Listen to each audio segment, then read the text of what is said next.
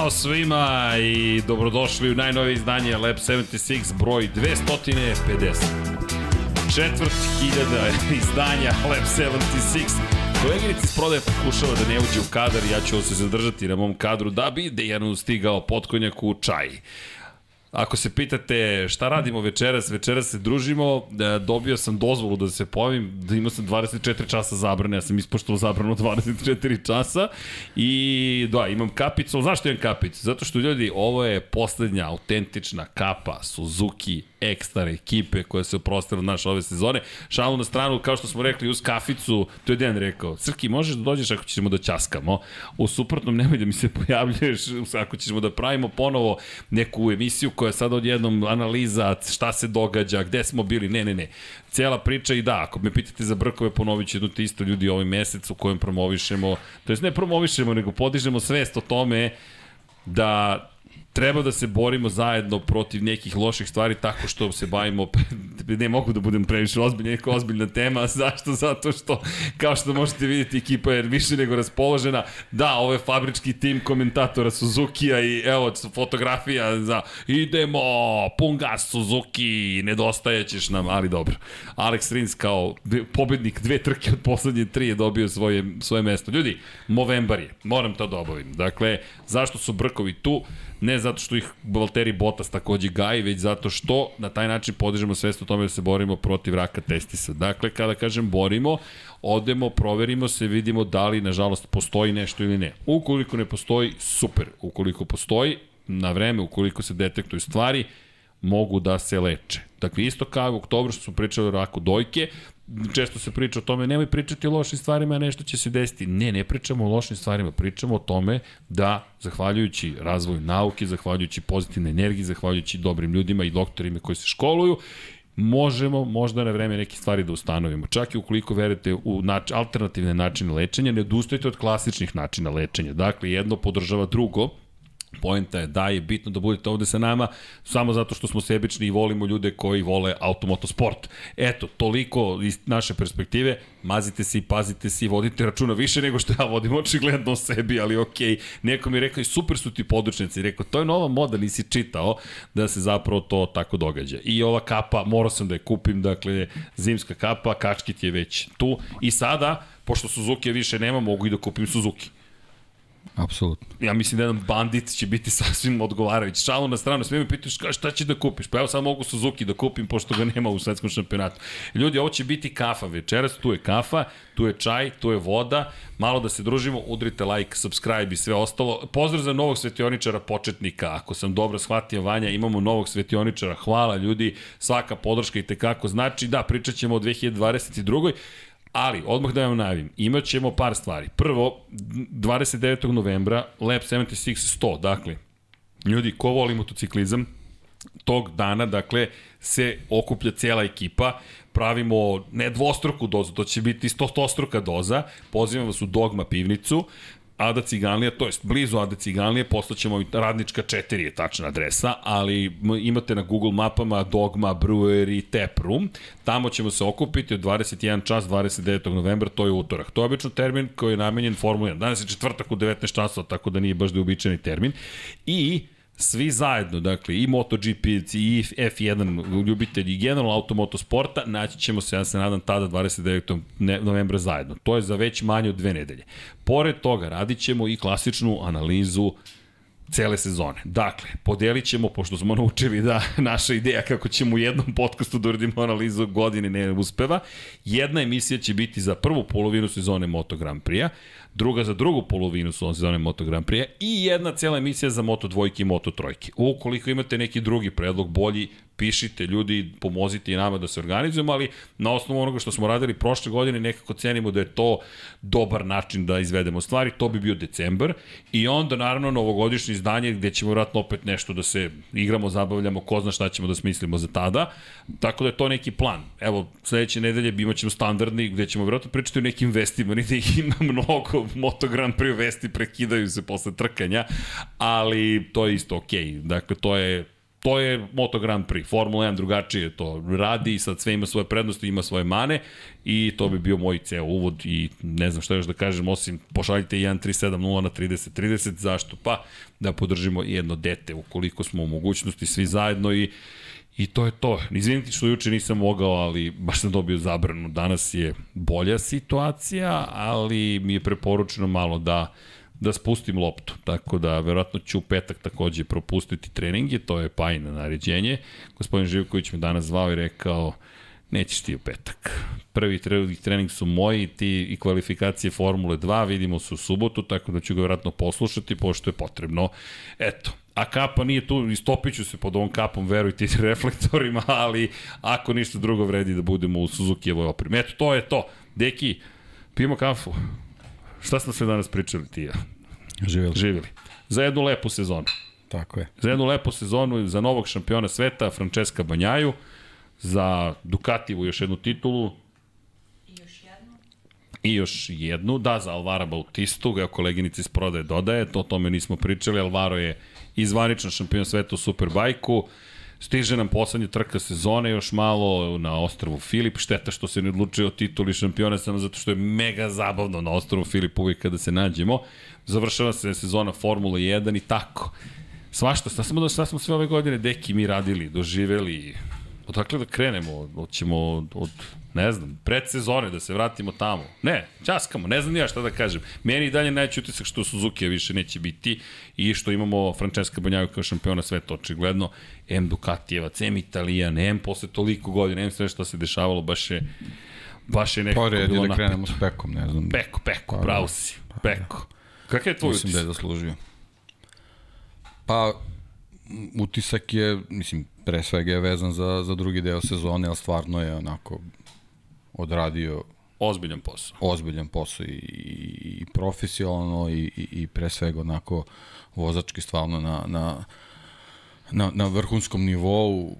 Mislim, kad se pogleda, to je jedna mini sezona koju on gotovo bez, bez, bez greške uradio, posebno u trenutku kada, kada krenuo je verovatno u, u čitav taj deo bez nekog pretrednog pritiska, međutim kako su se ti uspesi nizali pritisak je rastao kako je rasla nada da možda može nešto da se uradi i to je možda i ranije bio neki neki njegov nedostatak, međutim u ovom drugom delu sezone stvarno pokazao da je, da je ozbiljno, ozbiljno sazreo kao, kao vozač i ovih dana se stvari sve više i više spominje da, da su stigla ta neka unapređenja za, za GP22 na kojima je i Peko radio i da je u stvari sve to komplet o, o, o, stiglo na neki viši nivo i u velikoj meri zahvaljujući njemu, tako da to je onako neki neki utisak sezone, naravno to nije, nije počelo sve kako treba, to je onako nekako standardni neki kliše koji je već tu, tu, tu i, i prepisan i to je u stvari nešto na čemu treba da se radi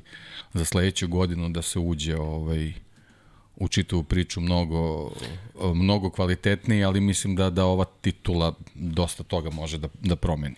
I u tom pristupu i u, i u nekom uh, uh, načinu njegove motivacije za sledeću godinu. Evo sad, opa, moj glas. To, to je taj, to je taj. Ba, baš je nastigla, ako želite da snimimo povoljnu reklamu samo za vas, recite, za horror film eventualno. Ali da, to je ono kad nameštaš glas pre snime, kao sve je u redu. Ali da, da, sve je u redu, ali svetski šampion, to je najnovije vesti, eto, ipak ima nekih vesti, nešto se događa i samo pokazuje koliko je velika stvar koja se desila iz perspektive Italije. Predsednik Italije je primio Francesca Banjaju. Pa dobro, to je već tradicija. Mislim, Da, da, tradicija, nije- tako je. Ali Da. Sergio Mattarella koji je otvorio palatu i primio prosto Banjaju, Klaudija Domenicalija, izvršnog direktora Ducatija, bio je tu i Luigi Dalinja, čovek koji je i iza ovog projekta stajao iz tehničko-menadžerske perspektive i naravno bio je tu Ducati sa brojem 63 i prosto, naravno, i ostali su prisutni bili iz ekipe i Davide Trdoci, bio i Čabati prisutan, tako da ceo tim Ducatija je zasluženu počast doživeo i mnogo je lepo bilo videti ih i u nekako drugačijem izdanju van kombinezona, videti ih u odelima sa crvenim kravatama, zaista jedan lep moment I vruće, deki. Gori mi. Gori glava. Vidi, ja ću uskoro da skinem, pošto sva ova kombinacija brkovi uh, i, i kapa, dobro. meni, te, me, me, me, ja nemam, nemam nikakav komentar. Dakle, da, ali Suzuki mora da se ispoštuje, ali rekli smo da će biti opušteniji večeras. I Deki rekao, Srki, molim te, upusti se, daj, dođi da se družimo i, i to je to. I naravno, hoćemo da ispoštujemo sve vas koji volite Moto Grand Prix. Juče mi zaista bilo loše, zabranio mi čovjek, čovjek je rekao, ne, ne, ne, te, prijatelj, ti, ti, ti večeras da dremka. No, I uspeo sam da zaspim oko 10 časova uveče, to je bilo impresivno. Ali znaš kada se probudio?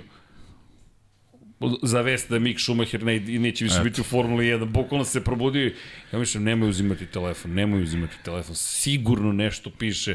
I ako vidim i, i upalim i pošto tako neke naloge pratim da, da izađe notification, izlazi Mick Schumacher, e, napuštam ekipu Hasa na kraju sezone. Rekao, ovo moram da repostujem, ne, ne, ne može da se od ovoga ne počne. I da, ali dobro, to ne veze sa Moto Grand Prix, tako, ali smo to najavili, ne zamerite. No, MotoGP 22 nekako mislim da je dobio i, i ovim prijemom u italijanskoj prosto, prosto palati u, u, u Korinaleu da je Krinale zapravo, da je dobio zaokruženu priču, jer Ducati je ovo čekao 15 godina, to je apsolutno najveći utisak, ne brinite, analizirat ćemo mi trku po trku i šta su to testirali u predsezoni, zašto su promašili na početku godine, zašto je Peko padao, ima tu mnogo zanimljivih izjava, međutim pričamo o utiscima nekako, šta smo, šta smo sve videli, gde, ajmo, ajmo, ajmo, ajmo par stvari, Valentino Rossi prvi put nije vozio od 1996. godine, je da, od prvog do sedmog Dakle, izložba je uveliko se priprema. Hank Kulemans i Matt Oaksley stižu 30. novembra, tako da će biti tu. 1. novembra je otvaranje od 19 časova, galerija Štab u okviru galerije, to se sada zove galerija, ali to je Boulevard Woodra Wilsona u Beogradu, tržni centar, da se tako izrazim. Dakle, nekad se zvao Galerija Beograd, pa je sad samo galerija, ali poslaćemo, postavit ćemo i mapu gde će biti izložba kod ulaza broj 2 i danas smo baš proveravali neke stvari, moramo da se ustane iz kreveta, jednostavno rekao čika doco, sve je u redu, ali znate kako, kad prođe ovaj vikend možemo da pričamo o pauzi. Do tada ne. I izložba je uveliko u, u pripremi, tako da znate da, da ja se nadam da ćete uživati. Baš sam srećen zato što m, zahvaljujući tebi, zahvaljujući Andreju Sakoviću, uopšte ideja o izložbama, to je Dekijevo čedo, dakle iz Dekijeve glave izašlo i onda nas je on navukao na izložbe i rekao Crki idemo na nivo više kulture. Pa jeste, to je, to je, to je bukvalno ono što si ti pokrenuo i, i, i to je ta iskra koja je bila potrebna. Deki Spark! da skinem kapu, ne, da sad sigurno neću skinuti, jer, šalim se, sad ću da je skinem samo da deki bude u kadru, ali, ali činjenica da to pokrenuto ljudi, ja vas pozivam da dođete, Matt Oxley će biti tu kogod je kupio knjigu Valentina Rossi sve njegove trke čak se ni ne bavim promocijama, ovo je ovo je deo Moto Grand Prix priče 2022. iz naše perspektive. Jer i lični moment bih da imamo, ovo je knjiga koju smo objavili, koja je trebalo da izađe krajem prošle godine, ja se još jednom izvinjavam za, za kašnjenje, nesretno kašnjenje, ali mnogo toga smo naučili, sad nam se te stvari više ne ponavljaju i naučili smo prosto nešto o nekoj novoj industriji. Čekajte, ovo je druga knjiga koju smo objavili u oktobru, Mark Marquez ostvarenje sna, tako da su to dve knjige iz Moto Grand Prix porodice, bilo je tu još knjiga iz Formule 1, što Schumacheru, što Seni, što Kimira i Konenu. Stižu šampioni Formula 1, to je nešto novo, ali ono što je glavni utisak jeste da smo objavili nešto što, ja moram ti reći, ja sam sanjao mnogo dugo i onda mi to deo priče u 2022. Rosija nema, sve njegove trke su završene i mi objavljujemo. Inače, knjiga je za sada objavljena na četiri jezika. Engleski, srpski, nemački i izašla je japanska verzija. Tako da znate, to su jedine četiri jezika na kojima je objavljeno i ne da smo ponosni, nego smo mega ponosni, a stižu nam eto i autori, tako da mislim da je to još jedno pomeranje stvari nekih koje volimo da radimo, ono što smo i obećali da ćemo da Jel pa da, bavimo? generalno, mislim, mi kad pričamo o Banjaji, o Valentino Rossi je sve prisutan i dalje i, i cela ta priča uvek mora da se na, nadoveže ovaj, generalno ni Peka Banjaje ne bi bilo možda ni u ovoj priči u Moto Grand Prix da nije bilo podrške Rosijeve akademije, o tome smo, o tome smo pa i da. pričali, da. tako da da je ovo, ova titula je nekako i njegova, mislim da kažemo kao prva menadžerska titula koju je osvojio, jer generalno čitava ta ideja oko akademije i pomoći mladim italijanskim vozačima koji teško da bi svi mogli da stignu na ovaj nivo dokle su došli da, da, da, nije, da nije bilo razvoja na, na taj način ovaj, jednostavno to je, to je to je još jedno njegovo dostignuće i, i, i njegov doprinos razvoju Moto Grand Prix, ne samo kroz, kroz njegovu popularnost i, i uspehe koje on postigao, nego eto sad i kroz vozače koji su ovaj krenuli njegovim stopama tako što su u stvari od njega i učili te neke prve korake vezane i za profesionalizam i za više kategorije i tako dalje tako dalje. Pa kada pričaš o, o Valentinu Rosiju, evo otišla je kapa. Dakle, ovo što se vidi, to je fantastično znojenje, ali to je u redu. Da, da, hvala, ima baš puno kose, sad mi se smeju iza kulisa. Imam više brkova nego kose. Ali, apropo Valentina Rosija, ti si ga nazvao direktorom marketinga Moto Grand Prix možemo da ga nazovemo i predsednikom italijanske motociklističke federacije. da. Bukvalno. Jer on čovek bukvalno obavlja tu funkciju. Zašto? Pa isto kao što nikoga nije bilo da se pozabavi marketingom malo zbiljnije u Moto Grand Prix, pa je to Rossi nehotice ili planski preuzeo na sebe i popularizovao ceo sport, tako nikoga nije bilo u Italijanskoj motociklističkoj federaciji koji mogu da spredu uspešan program razvoja novih talentovanih vozača. I negde kao reakcija na ono što se dešavalo zapravo na Iberijskom poluostru, kad ti pogledaš šta su uradili u Španjskoj federaciji, šta su uradili timovi poput Monlau Competiciona, pa je Strelja Galicija kao sponsor koji je ušao u tu celu priču i koji je to belgijski, jel te, Mark van der Straten, baron pivski kako ga zovu, ali ta veza sa Albertom Puđom, pa konkretno sa Repsolom, pa staze koje su izgrađene su dovele do toga da pričaju o Banjaj, jer to je ove geneza u suštini, jer Valentino Rossi je bio poslednji italijanski šampion Moto Grand Prix klase.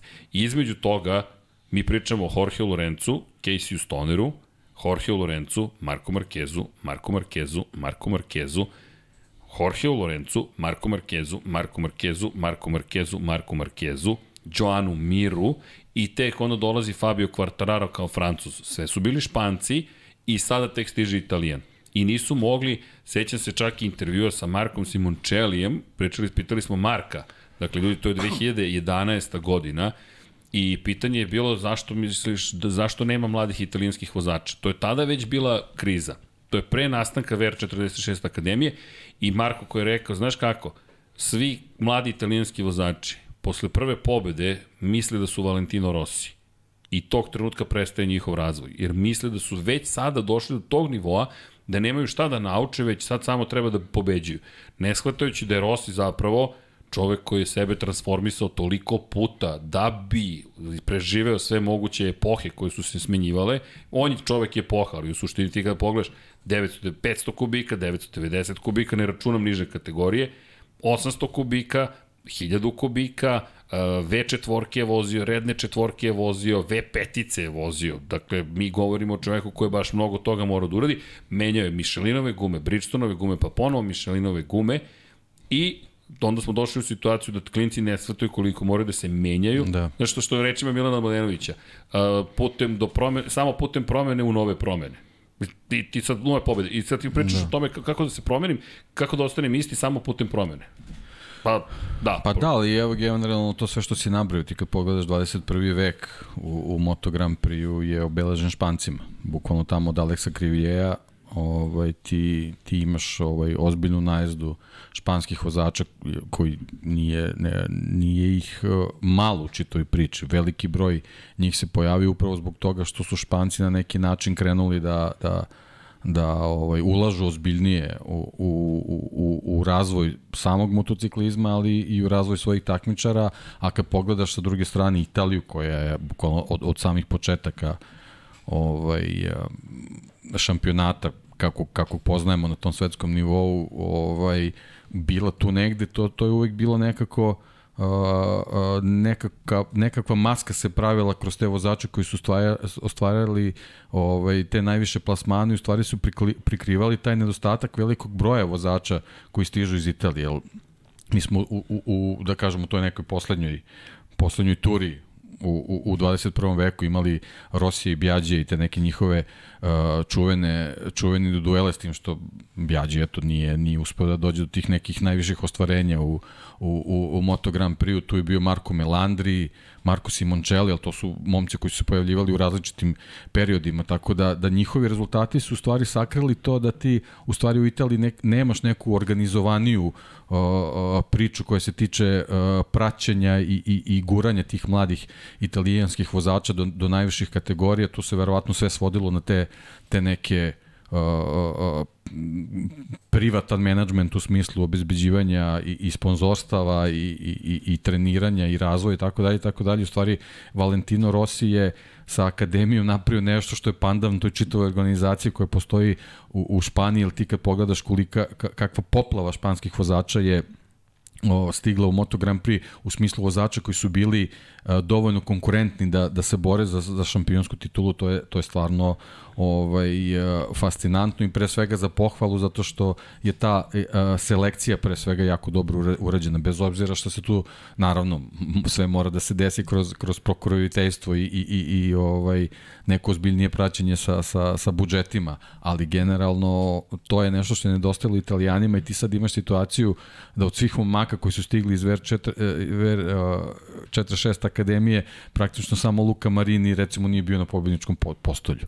Znači, svi su... Još. Još. A svi su, svi su već i, i, i, i osvajali bodove i, i, i imali mnogo, mnogo zapaženije rezultate možda nego što su oni sami očekivali. Tako da, to je nešto što možda tek u, u, u budućnosti može da bude ovaj neki ozbiljan zamajac za, za, za italijanski motociklizam, ponovo zahvaljujući Valentino Rossi. Pa da, i, i sad kada pričamo, znaš ko meni pada na pamet, dva čoveka mi se izdvajaju, kada je reč o, o uspehu Italijana 90-ih. Ivan Beđo, dakle čovek koji je vodio Apriliju i Carlo Pernat kao menadžer koji je bio zaista moćan jer Italija je vodila glavnu reč, to je neko nasledđe bilo, da kažemo, Giacomo Agostini. U momentu su anglosaksonci preuzeli celu priču, da. australijanci, Ali amerikanci. Ali tu tebi je uh, Agostini, kad pričaš o tim nekim dostignućima, praktično jedan. Jedan, tako samo je, tako on, je, tako samo je. on iskače, a, a Španci su uvek, posle u nižim kategorijama, zajedno, mnogo ih je bilo. Tako je. Tako I, je. I zanimljivo, Beđo je bio opet pojedinac industrijalac koji je voleo trkanje i jeste napravio on imperiju od trkanja. On je u aprilu momentu zaista imalo unosan biznis rentanja motocikla u 125-250 kubika,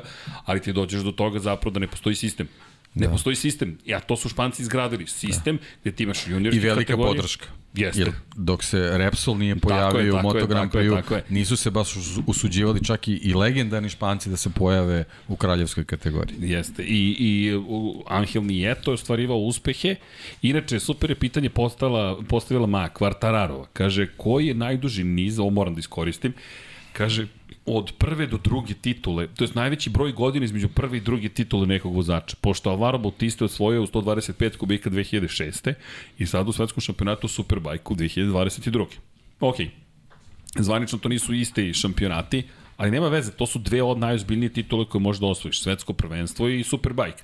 Čak ne bih ni super sport nužno uključio u to, ali, ne, ne, ne. ali ajde, Superbike je jedini koji u tom šampionatu je zaista zlatni, zlatni. I onda imaš sve titule u Grand Prix trkanju su Grand Prix trkanje. Ljudi, Grand Prix trkanje je drugačije trkanje. Dakle, uz dužno poštanje super sportu, Grand Prix trkanje je Grand Prix trkanje. I sad, pitanje, ja razmišljam, ne mogu da se setim. I onda krenem da vrtim i nisam shvatio njeno pitanje i se pogledam, kažem, Angel nije to. 14 godina je bilo od njegove prve do njegove poslednje titule. Od 69. do 83. Razmišljam, čekaj, koliko, koja legenda je zapravo taj čovjek bio? To je 13 titula u 14 godina. 12 plus 1, on nikad nije volio, sujeveran je bio 13-ticu. Da, ali, molim te, poštite. Pa, da, da, da, 12 plus, da, treba poštitemo svoje 12 plus 1 titulu, pravo si. Inače, na svim oznakama Angel Nieto tima je uvek u krugu pisalo 12 plus 1. Čak i kada su zvali Nieto tim, Jorge Martinez Aspar je sobstveni tim, svi su egocentrični, svi zovu Aspar Racing, jel te, ne znam, uh, Gresini i tako dalje. Aspar je to nazvao Nieto, Angel Nieto tim i pisalo je 12 plus 1 i treba da poštujemo, slažem se. Elem, on je čovjek imao 14 godina između prve i poslednje titule, ali pauza između prve i druge titule od 16 godina, ja, ja to zaista ne znam. Čisto da, da ne zaboravim taj moment, mi to bilo kao, ok, Alvaro, kad si ti osvojio 2006. davno beše, Ironija je da je 2007. sam počeo da komentarišem, tako da to, to sam shvatio u jednom momentu. A sećam se kad sam pričao o tome da je novi šampion sveta 125 kubika ušao u 250-ice. Baš davno beše, ali zaista nemam odgovor bolji od toga, mislim da je Alvaro Bautista rekorder po tom pitanju. Elem, da se vratimo, jel te, bit će digresija, ljudi, takvo veče opušteno, ali apropo Italijana, Da, nije bilo nikada sistema. Valentino Rossi nije rezultat sistema. Valentino Rossi je toga rezultat što je njegov otac, Graciano, insistirao da mu Carlo Pernat pruži šansu. Uspeli su da dobiju podršku, čak ne ni Beđa inicijalno, već je Pernat uspeo da uvuče neki ljudi zapeli to, a Beđo je učestvovao kada je prešao 250 kubika. I čak je Beđo hteo da bude u 500 kama, ali taj projekat je bio, video Rossi da toga nema ništa, jer tu su Japanci suvereno vladali i onda nemaš italijanskog proizvođača, do 2003. kada se pojavljaju Ducati. Da, i treba mi praktično know-how za tu čitavu priču. Ozbiljan know-how. Da, da, pa dobro, to su i uradili. To su, to su i uradili. e, ali to je isto zanimljiva priča zapravo gde Ducati počinje. Možemo da iskoristimo malo večerašnji podcast na tome. Ćao Vanja, lep provodu. Ili ideš u pozorište? Ćao. Tako je Vanja, idite ljudi, posećujte pozorište, bioskope, čitajte knjige. Kako? Šta gledaš, koja predstava? Opa. Ne, a, nekoga vodi najbolje. da u predstavu, dobro. Pozdravi, mislim njega, mislim tu osobu. Ćao Vanja, lep provod. Dakle, kulturno uzdizanje važno. Sad smo na autopilot. Sad smo na autopilot. Nismo, nismo. Ne, Koleginici iz prodaje preuzela upravljenje. Vratite nam, vratite nam dom Pabla. Sve dok nisam Paulina. Da, da, da, da. Dobila je novi nadimak, ne znam da li znaš. U 99 yardi miksa dao novi nadimak. Ja sam krenuo, ja krenuo s novim Pa ti si inicijator svega, generalno. nisam baš svega, da ne, yes, yes. nisam. yes, yes. Ali dobro. Ok, guilty as charged, to kažu u Ameri.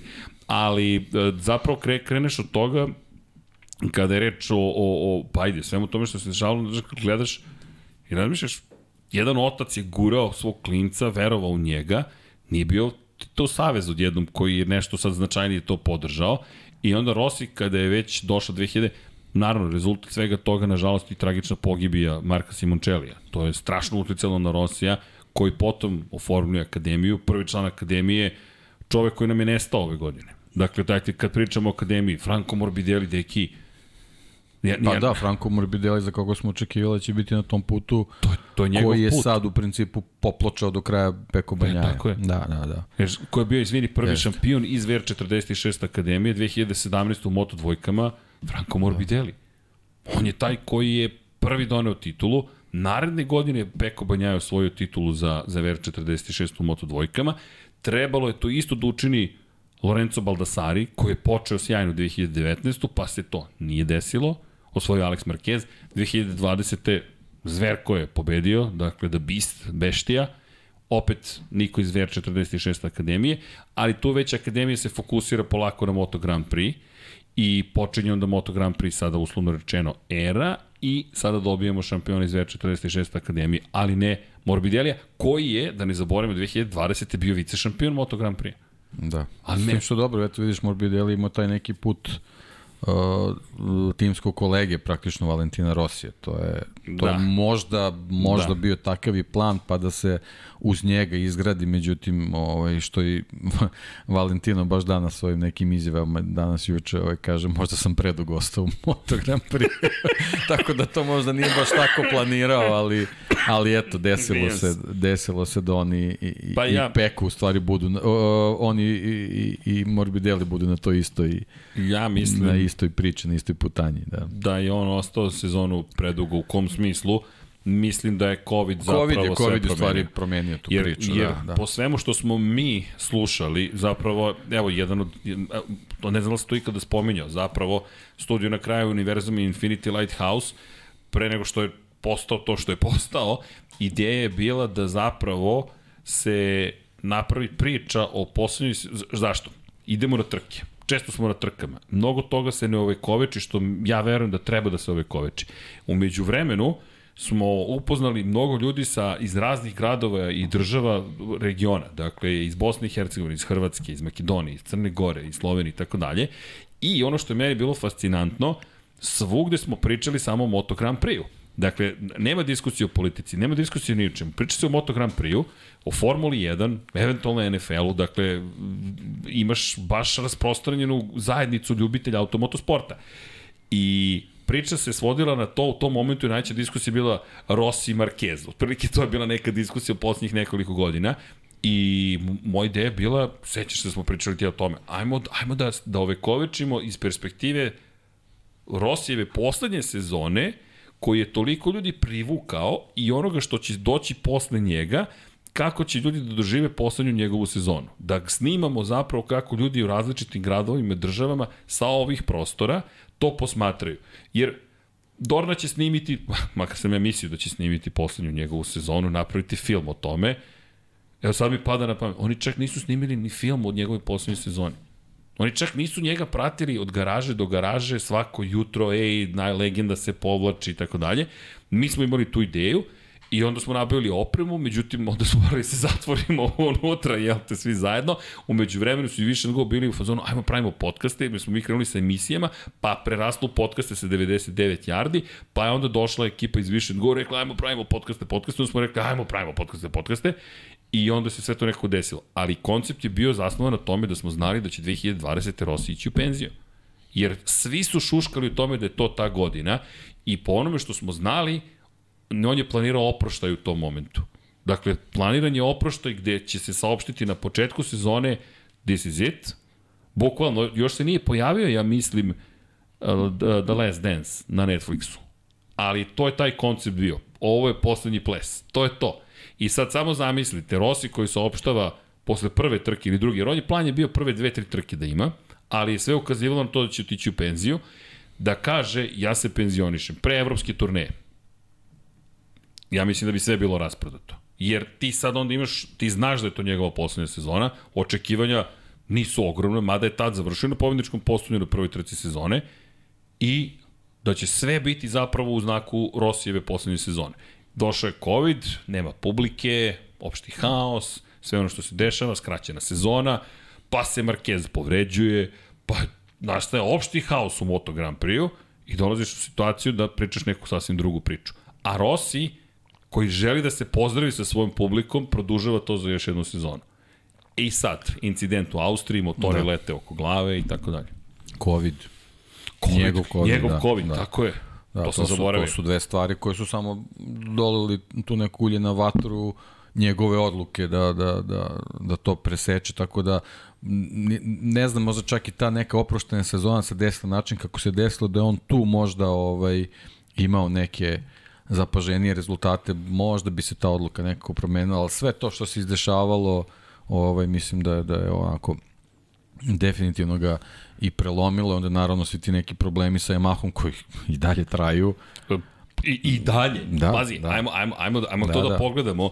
Vratit ćemo se na ovu priču, ali Fabio Quartararo je svoju titulu prošle godine. Da. Branio je ove godine prilično junački, ima stvari koje mogu i sam bolje da uradi, ali opet nije da mu je Yamaha da, ali, ali pretprošla sezona a, a, a, praktično su Fabio i, i, i, i Frenki u, u, u privatnoj ekipi zamaskirali te neke poteškoće, sećaš se o, probleme sa onim delovima nehomologiranim u Yamahi, kvarovi u Herezu i tako dalje, tako dalje. Tu, je, tu su već krenuli problemi, ali nekako zbog njihovih dobrih vožnih delova je, ma to je u stvari Rossi je već, već za penziju, ne znam, Vinjales da, više nije za Yamahu i tako dalje. U stvari, njih dvojica su imali očigledno već tad ozbiljne tehničke ozbiljne probleme, probleme sa, sa motociklom da ga uopšte doteraju u neku formu da on funkcioniše kako treba. Da, ali baš izgledalo, pa čak i Rossi više nije bio siguran. Ako pogledaš, on da, je da, opustio... Da, ti bukvalno jednom trenutku javljati se sumnja u čemu je problem. Silvano... Više ne znaš sa koje strane da posmatraš problem. Pazi, Silvano Galbusera ostao bez posla čovek. On je da. angažovao da. novog, te, novog svog glavnog inženjera napustio je saradnju sa, sa Galbuserom, verujući da ni Galbusera više ne može da razume taj motocikl. A Galbusera je došao na mesto Jeremija Burgessa, legende ovoga sporta. I ti sad imaš situaciju gde je Yamaha zapravo potpuno izgubljena. Ono što je smešno, evo ja sad mogu, evo, otvorit ću i, i odeljak iz knjige. Dakle, popravljanje Yamahe. Dakle, odeljak iz knjige gde se oni bave zapravo time da poprave Yamahu. I celo poglavlje je posvećeno tome evo, ne, ovo je Honda, Hondu nije bilo potrebno popravljati, zbogom Hondu i tako dalje, sukov koji je imao sa fabrikom, što mu, po, dobro, to smo, popravljanje M1.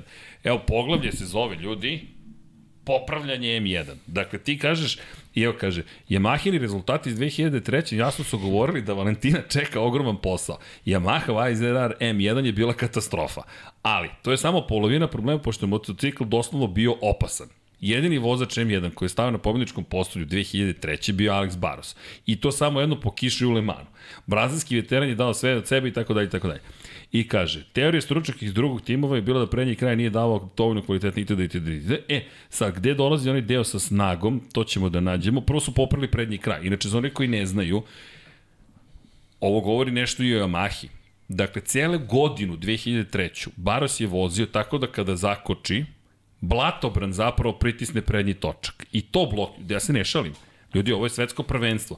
Blatobran pritisne prednji točak i Barosu se blokira točak i on padne. Rossi kod prvog testa je došao i rekao nešto ne redu s prednjim krajem.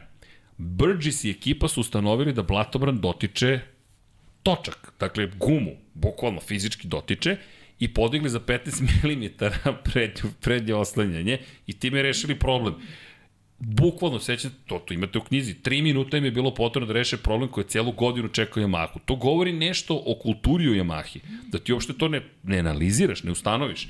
I sad, ima tu još stvari koje su problematične, ali gde je onaj deo sa sa, sa, sa, sa, sa, sa, sa, sa snagom motora? Ne mogu sad da ga nađem, ali ne znam još faktor istorijskog uspeha, Mišelinovi gume i tako dalje. U svakom slučaju, ceo odeljak se zove popravljanje Yamahe. I popravili su je. I ta verzija Yamahe dan danas se koristi. To je bilo 2004. Aman, Masao Furusawa tada izmislio cross-plane crankshaft čuveni i to su rešili. Tako da Fabio baš i nije imao pomoć. Kažem, ne bih da se vadimo na motocikl, da kažemo, e, to je samo da nije. Imao on mogućnosti neke stvari da uradi, da iskoristi greške koje je Banjaja pravio, ali kada pogledaš pristup Ducatija, koji ima osam motocikala. Inače, da, to sam htio da kažem, moramo se vratimo do CRT-a, kada je reč i o otvorenoj kategoriji, kada je reč o uspehu Ducatija. Ovo što su oni posejali je počelo bukvalno pre 10 godina. Ako se ne sećate, evo tu smo mi, CRT, Claiming Rule Teams. Dakle, to su timovi koji su mogli bukvalno da uzmu motore iz Superbajka manje više i da ih umetnu u šasije prototipe i da voze. Šta je uradio Carmelo Esporeta, šef Dorne, pošto Honda pre svega nije htela da popusti po strogoći svojih pravila, on je rekao, je važe sad uvodim CRT timove, koji su po dve, dve i po sekunde bili po krugu spori. Ljudi, to je bilo, to je bio užas. Imate 5-6 vozača koji nešto može da uradi, ali je Carmelo rekao, ok, vi želite ovako, teramo, ćeramo se do kraja, bukvalno. I terao je do kraja. Pa dobro, to mu je jedan od boljih poteza. To mu je jedan od boljih poteza. od kad je Dorno u Moto Grand Prix. Da. Možda i jedini. Da. Jer, e, da, ima i taj zanimljiv moment. Inače, kada je reč o postavci koju Dorna ima, mnogo toga je zapravo FIM uradio i pre dolaska Dorne. To se ne govori prečesto o tome, ali kompletan sistem televizije, povezivanja, grafike i svega ostalog i saradnje sa stazama je FIM završio. Ali FIM, kao i svaka naučna, ja bih rekao, institucija, Dok, evo NASA, juče, deki. Ne znam da li si stigao da pogledaš Artemis. Nema kamere na raketi. Dakle, to je prva raketa od 1972. koja nosi jedan modul koji će ići na mesec. Oni nemaju kameru. Imaju jednu na Orionu koju su stavili na solarni panel koji jedva da nazireš motore i drugu solarni panel. Drugi solarni panel. Musk, kada lansira svoj SpaceX, bez obzira što svaki gram košta milion dolara, ima pet kamera i to izgleda impresivno. Kako radi mlaznica, kako se odvajaju delovi, kako se ide kroz svemir. Pa on je svoj automobil čovjek lansirao i to je snimio. NASA to nema. E tako film ne zna kako da proda ono što ima. Dorna je tu bolja, mada i ona mnogo zostaje, ali od, od nula kad napraviš nešto, napraviš si nešto. E, to je story koji nikad nisam izbacio, to moram da izbacim. Snimio sam sve kamere koje su koristili 1984. pa nadalje. 84. su ili treći imali prvi prvo emitovanje zapravo kamere sa motora. I helikopter je morao da bude direktno iznad motora da bi preneli signal. Zbog dometa. Zbog dometa. I onda imaš helikopter, pilota helikoptera koji prati motocikl zapravo preko staze. Dakle da, da, ali to je film već bio postavio. E, ali mi onda Carmelo Espareta uveo to novo pravilo i šta je uradio Ducati? Ducati je otišao, imali smo fabričke timove i otvorene timove i CRT timove. Mogao si da budeš fabrički proizvođač koji ukoliko želi da bude u otvorenoj kategoriji, mora da da kompletan svoj softver na korišćenje privatnim timovima. I sad, šta ti je razlika u korporativnoj kulturi? Evropljani rastežu pravila. Ozbiljno ih rastežu. Ljudi, verujte, ozbiljno ih rastežu. Japanci ih toliko ne rastežu. Oni su, jel to piše, to, to piše, to, to su okviri u kojima mi radimo. Kod Evropljana je to, ovo su okviri, ali ako ih e, nategnemo dok, dok ne puknu, i dalje su to neki okviri. Bo to je bukvalno razmišljanje koje su imali. I šta je uradio Ducati? Rekao, ok, mi smo otvoreni tim. Šta to znači? Mi ćemo sad svoj softver da damo svim privatnim timovima, koji će zapravo za nas da pišu novi softver. I ti sada imaš ne jednog, dva vozača, sad imaš 8, 9, 10 takmičara koji koriste tvoj softver i ispravljaju tvoje greške. Klasičan, za one koji su, ne znam, kompjuterski inženjeri, proprietary tehnologija i open source. Evo ti open source i sad to, je, to su svi mogli da vide. Kao šta, šta rade? Pa evo rade. I oni su im popravili softver do momenta kada je došlo do toga da se uvodi magneti Marelli, da se standardizuje softver, ko zaposliva ljudi iz Magneti Marelli. Isto imate u knjizi, šta kaže? Jedino Yamaha nije zaposlila ljude iz italijanske kompanije. Svi ostali su sve inženjere iz Magneti Marelli angažovali. Yamaha rekla, ne, mi ćemo naše inženjere. I onda je dve godine kasnije rekla, treba nam neko ko ovo razume. I to je sve nasledđe onoga što je Quartararo takođe dobio. Između ostalog. Ali nije pojenta samo u tom motociklu, već načinu na koji se radi. To ono što ti često pričaš, ja, pa, filozofija. Znaš kako, generalno dodatni je problem što sve to što si naveo, to je sad već doživelo novu evoluciju, a Yamaha je ostala na tim saznanjima od pre sad već 20 godina. Neverovatno. Ali istinito. I ti sad gledaš I Ducati. to se, nažalost, manifestovalo ove godine maksimalno u, u, u, u posebno u drugom delu sezone kad je i, i Fabio popustio, a u prethodne dve to je onako već se naziralo, ali mi smo eto i mi smo kroz neke an, naše analize ipak i sa nekih drugih ovaj izvora tražili njihove da kažemo krivice, to jest njihove propuste zašto taj motocikl možda ne funkcioniše maksimalno tako dalje tako dalje. Ali generalno to je već tamo negde 18. 19. već to nije bilo kako treba. Da pa seti se izvinjavanja da. u na Red Bull ringu gde čelnici Yamahe se izvinjavaju svojim vozačima za loš motocikl koji su im dali. To što je zapamćeno u japanskoj kulturi da se ti izvinjavaš vozačima. Znaš šta meni nedostaje, moram ti pa priznati. Pa dobro, valo oni se izvinjavaju, nije... To baš jeste njihova kultura. ali dobro, nisam da, baš navikao da, da vozačima se tako izvinjuje, pa dobro, izvinjavaju, ali, da. ali više u šef prema zaslužili šefu, ali su da, zaslužili. Da. Obično ne zaposlenima. Da ali došlo je do promene, suštinski nije došlo do promene. Nego sam htio da kažem, nešto meni nedostaje? Koje poslednje inovacije, deki, koje smo mi videli iz Honda, Yamaha ili Suzuki? Da je baš inovacija, da kažeš što je nešto novo što su uveli. Ja koliko se sećam, menjač Hondin 2011. Seamless Gear Shift. Da Da, to je 11. Bilo, to je 11. Da, da, da, 11. Stonerov. Stoner, Stonerova Honda, da. Stonerov razvoj, da, da. Da, da, da, da. Stonerova Honda, to je tačno da, njegov pa, razvoj. Generalno ta Honda je bukvalno do prošle godine ona je evoluirala praktično. Tako je, jer da. to je krenulo 2011. i došao taj menjač, to je čuvena priča. Samo jedna osoba na celoj stazi je mogla da otvori taj menjač.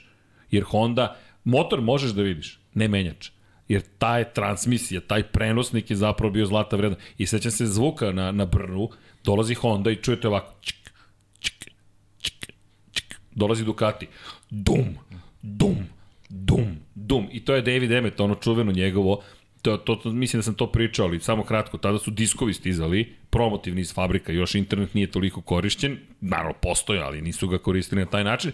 Dođe vam disk i svi su, sve su fabrike slali diskove sa motorima Moto Grand Prix i zvukom motora, kako ga voze na testnoj stazi i tako dalje.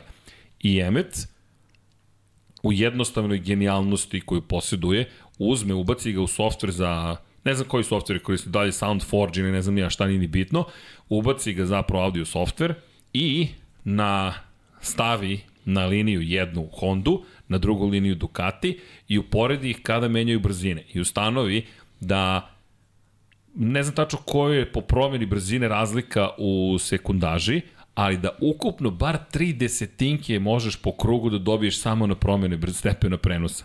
Inače, sledeće godine diskovi više nisu dolazili sa zvukom, već sa muzikom. Tako da više nije bilo analize, ali... Tako da je analiza bila tačna. Dobio je potvrdu zapravo.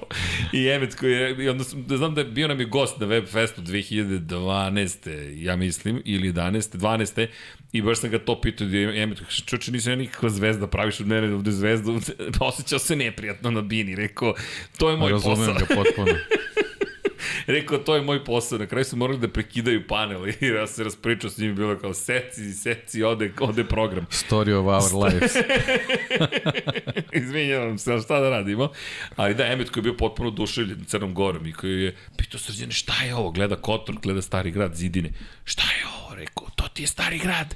Rekao, dobro. I onda išao da istražuje šta se sve tu dešavalo i kako to izgleda. Bilo, bilo, bilo jedno divno iskustvo. Inače, ko voli neka pogleda spark.me je festival koji je kasnije nastao i no, to je više za tehnologiju, ajde, i web, ali kako god pogledajte, to je neka opšta kultura.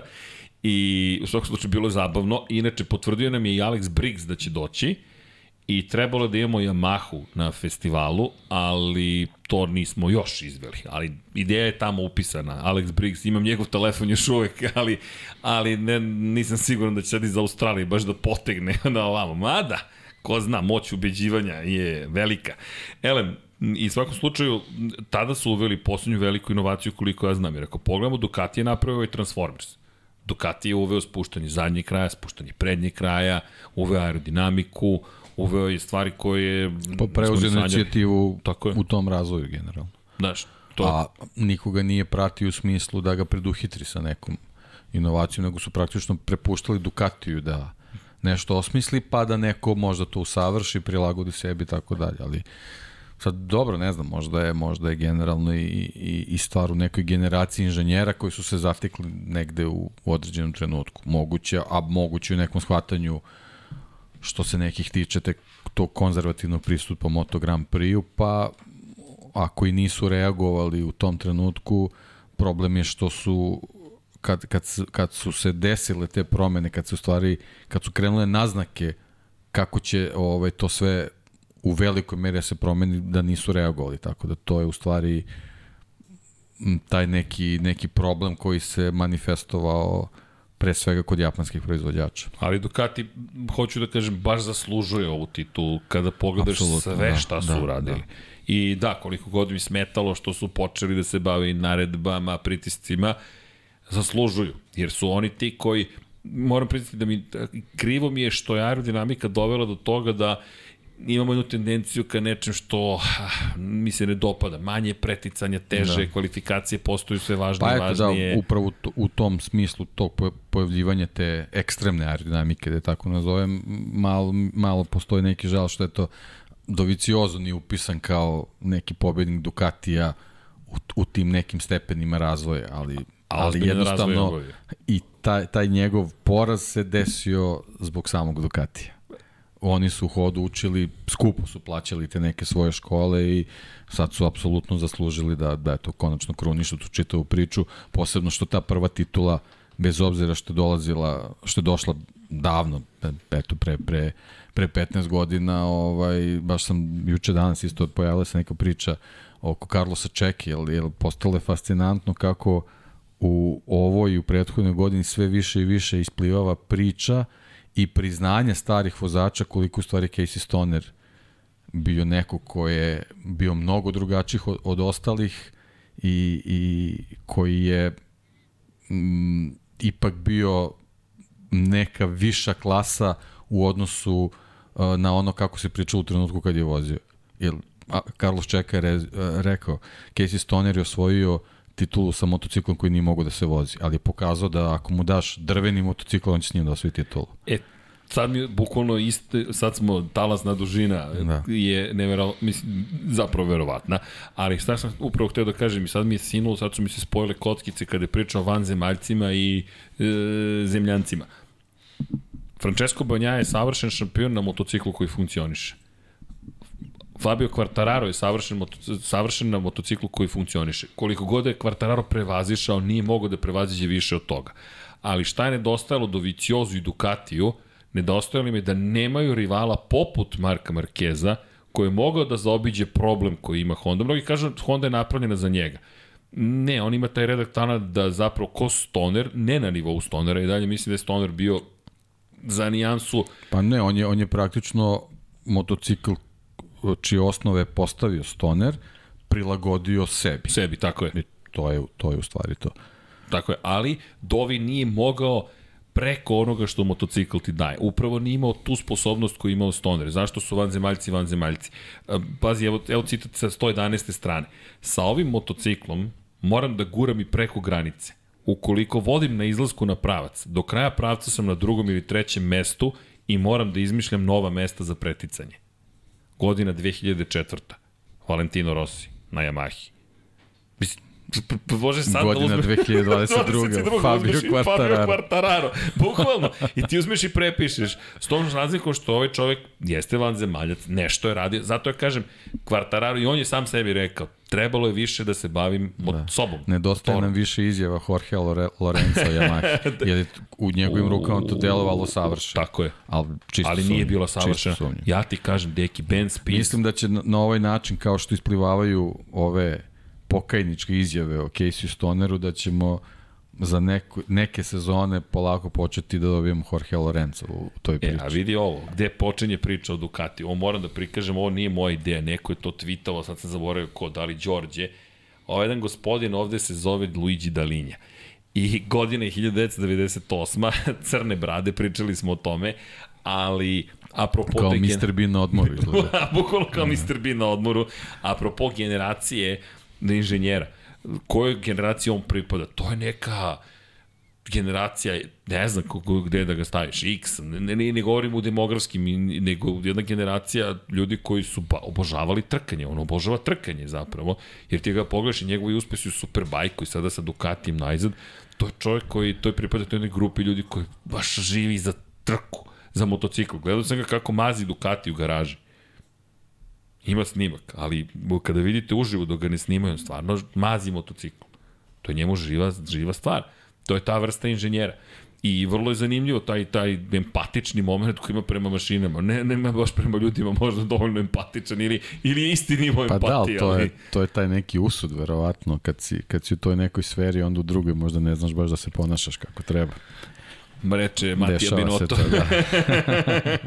pa da, nedostaje da. mu neko. Ali mislim da. da će Ferrari ponovo da pogreši. Jer će opet da se odrekne nečeg dobrog, jer to je ono čuveno. Ne možeš trouga da gurneš gde je rupa. Ne ide. Nemoj, nemoj kvadra da guraš gde je trouga. Stani, sklopi mozaik. Svako ima svoje kvalitete. Zajedno su čine jednu celinu ali Dalin je našao svoje mesto pod suncem i doveo mnogo ljudi. To je to ono što je isto zanimljivo. I Tardocija, i Ćabatija, i okupio cijelu ekipu promenio, ali sve to dovelo do toga da Banjaja postane šampion. I ne samo Banjaja, nego drugo veliko iznenađenje, bez obzira vođen tvojim, tvojim intuicijom, tvojim analizom, tvojim, kako god želiš, intelektom, njuhom, bio sam siguran da Beštiju čeka ozbiljna sezona. Baš sam bio siguran da ga čeka. I, i kažete, mnogo sam ponosan i na to pitanje. Imao sam jedno pitanje, ne, ne sticam konstu, nismo više imali pitanja. Koliko puta ćeš da pobediš ove sezone? On koji kaže, he, četiri. Četiri. A to je isto, da ne bude samo Beštija, to je isto Ducati. To je isto GP21, koji daje ti mogućnost da se ti odjednom na privatnoj mašini boriš za pobed. Baš velika godina za Ducati, bez obzira što na kraju bila drama, da li će da li će da se desi nešto između njega pa i Pa da, ali generalno eto kad povučemo priču o, između tih motocikala koji se spomenjao, samo ta verzija A Je li tako? Da. E, Ducati ima verziju A. Verziju A je imao fabrički tim, a B su uzeli Pramakovci znači, ta, i Ta verzija A, GP22 je u principu bila motocikl koji je onako lutao prilično. Znači, tek ta usavršena verzija u, u drugom delu sezone je ovaj, funkcionisala kako treba i baš kako i Tardoci pričao ovaj, o, na, na, na testiranjima posle, posle Valencije, a, imaju tu glavoboju zbog koje ne mogu da, da proslavljaju titul, onako možda kako su, kako su mislili. Ono što je najvažnije za 23. je da otkriju kako taj motocikl može bolje da skreće. To je ono što mu, što mu, što mu nedostaje. Međutim, vrlo dobro znamo da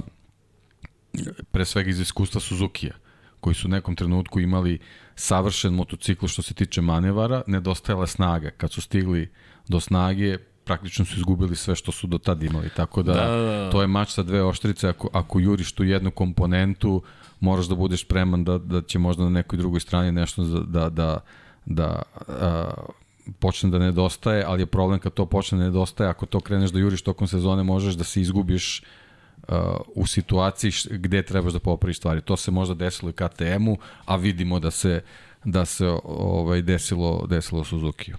Da, Suzuki koji je delovao tako moćno, ja sam bio ubeđen da taj motocikl može do titula. Znaš, kad vidiš motocikl i kažeš ovo može do titula. Ti si mi poslao sjajan tweet, čekaj, te popravio sam vam Yamahu. Čekaj da pošaljem, moram ovo da ti po, moram ovo da vam pošaljem, mnogo, mnogo sam se smeo zato što je surova istina u pitanju, ali kada pogledaš redno postavljeni četvorocilindrični motor odjednom nije tako slabašan kada vidiš Suzuki. Dakle, koncept je nije tako jednostavan V4 i redni 4 i to sad jedno donosi drugo. Ne, Ducati, to je ono što je Stoner rekao, je kroz elektroniku uspeo mnogo toga da da, da anulira od negativnih strana V4, da je pretvori mnogo upravljivijim, u, zapravo mašinu da pretvori mnogo upravljiviji motocikl, ali evo sad ću da pošaljem, samo da nađem gde, gde, gde, gde, Uh, deki podejan potkonjak. Samo ovo, uh, draga koleginice, možete da ubacite nešto, molim vas ovde. Dakle, suviše je zabavno. Ne znam ko je autor, neka ne zameri autor ovog, ove, ovog mema, mima, kako god. Dakle, inače, pozdrav Dragu Vekoviću, nisam pročito ime čoveka koji je postao svetioničar početnik. Hvala vam za to, značite kako podrška. A sad ćemo odmah da ubacimo i ovo. I da, postavljajte piteke, ili ti pratiš chat? Nisam pratio chat, ček. Nema još ništa na chatu. Niko se nije javio sa pitanjem. Pa da, ali ima, ima zanimljiva priča, pa ćemo mi da se nadovežemo da. kad završimo dobro, dobro, temu. Dobro. Da. Evo, poslao sam, poslao sam, poslao sam vam su, suviše zabavno da, da, da ne bismo pročitali ovo. Da? Hmm. Dobro. Inače, da pozdravim i Hasana Bratića koji je stigao. Stigao je to jest na putu je za Abu Dhabi, mislim da je u Dubaju trenutno i da je sutra u Abu Dhabi, ili već, već, već, već večeras, aha, evo ga iz Dubaja, Pozdrav Hasane ako slušaš, ako ne slušaš, što ne slušaš, ali šalu na stranu, Hasan je otišao na poslednju trku sezone Formule 1, Hasan Bratić koji nam je puno pomogao kao i uvek i ide u Katar. U Katar, inače, opšti haos, inače naš dragi kolega Faške, popularni Flaške, rekao je nisam to očekivao od profesora Potkonjaka, ali, ali ko inače redovno sluša, evo, I fixed the Yamaha, dakle, prikaz Suzuki na kojem piše Yamaha, ne znam čiji ruku delo, ali su više, bukvalno ovo im treba, dakle, da odu u garažu Suzuki, kaže, može to, dajte to vamo, dajte nama to, i to je to. Eto, da. Dobro, zato smo krenuli od Suzuki. Elen, uh, da se vratimo na, na, na, na, na priču o, inače, ko mi ovo govori, šta, Ljubljana, rasprodat koncert Iron Maiden. Nabavit ćemo karte preko nekih nači, naših prijatelja. Moramo da nastavimo turneju Iron Maiden dok još možemo. Suzuki se povukao pre Iron Maiden, pa ti vidite ki, kakva je situacija. Elem, gde smo bili? E, bili smo ne kod Bastianinija, nego smo... Kako sam skrenuo na popravku Yamahe? Nemam pojma kako sam skrenuo. Verujte. Kako? Bili smo i u na... Dobro, ko zna gde smo sve bili. Ali ne zamerite, ljudi, malo smo opušteni večeras. Deki je rekao, ej, dođi da se družimo i, to je, to je, maj... ovako otprilike izgleda kad mi pričamo, mi za, ko zna gde završi razgovor, ljudi, verujte, to završi na milion nekih različitih mesta, Elim, da, Yamaha, ta redna četvorka, ko zna, lepo si rekao, juriš snagu, možda izgubiš, to je kao Karlčan rekao, upravljivost. Ali šta je problem? Šta je rekao na poslednjem sada testu Fabio Quartararo? Nema snagi.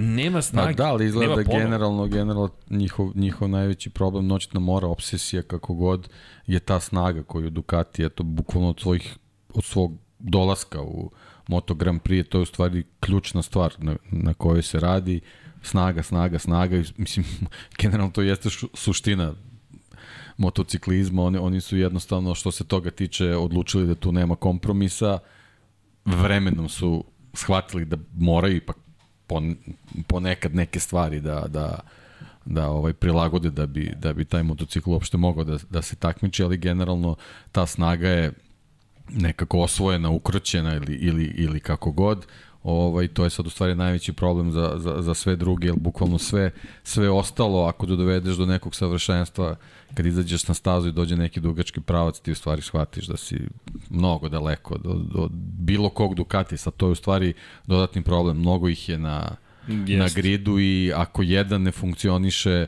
neko od preostalih sedam će Jeli, sigurno funkcionisati. Čekaj, zar nije najsavršeniji najsavršeniji moto, to je skrilatica, slogan za reklamu, snaga bez kontrole ne znači ništa. Pirelli mi je bukvalno u glavi kako si izgovorio da, snaga, da, evo, da. snaga bez kontrole. Tako jer to je ono što juriš non stop. Tako Ducati je imao snagu, samo nije imao kontrolu nad tom. Je, tako Spuste na točak preko 300 konjskih snaga, jedan zadnji i to je haos. Ti moraš da upravljaš. Zapravo Stoner koji je često gasio kontrolu proklizavanja, koji je imao to nešto u desnoj ruci i znao kako to da izvede. Da, inače, imao je super intervju, još prošle godine, baš na tu temu, kad je govorio, mene su često opisivali kao najagresivnijeg vozača, a to je Niki Hayden otkrio prvi. Niki Hayden je rekao, svetski šampionič iz 2006. godine, kog smo tragično izgubili pred četiri godine, je rekao za Casey Stoner, on je to prvi otkrio Casey. Kaže, svi govore kako je Casey zapravo jahao, kontrolisao Ducati, stiskao ga. Kaže, ne, Casey je puštao da Ducati radi što god mu se radi, a onda je on u tome nalazio način da upravlja tim motociklom. I baš je govorio kako je Casey bio jedan od najnežnijih vozača na Ducatiju i, i onda je to Stoner potvrdio, kaže da za mene važi da sam agresivan, kaže ne, ja sam puštao motocikl da radi svoje, ali on znao kako da to pretvori u, u rezultat. I fascinantno mi je kad tako dva različita vozača, inače Mark Marquez je u poslednje vreme počeo, počnite da slušate i gledate pažljivo njegove debriefinge. A i pročitajte knjigu. A i, pro...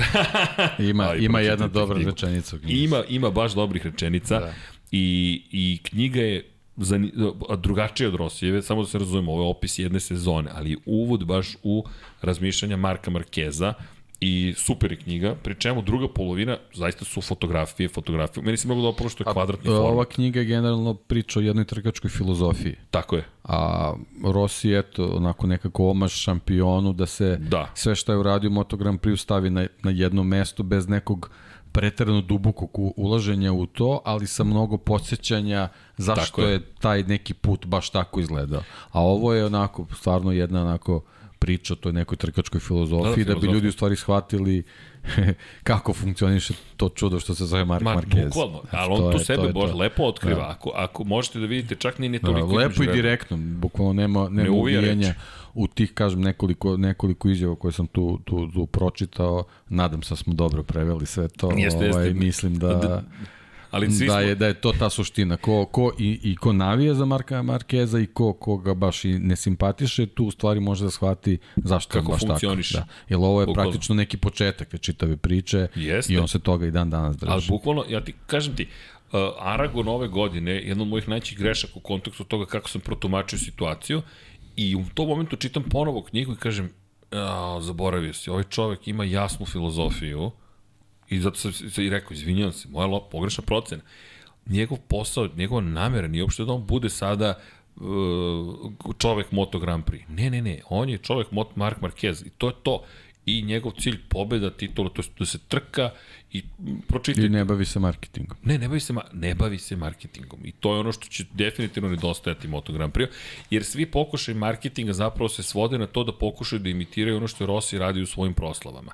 Ali kod Rossi je to dolo, došlo, na primjer, spontano na početku, pa je posle preraslo u dramatične hollywoodske pripreme i neke druge stvari. Međutim, većina vozača nema ni želju to da radi. Jednostavno to uradi na nivou toga, e, ovo se ovako radi, zato što je to neko nekada radio.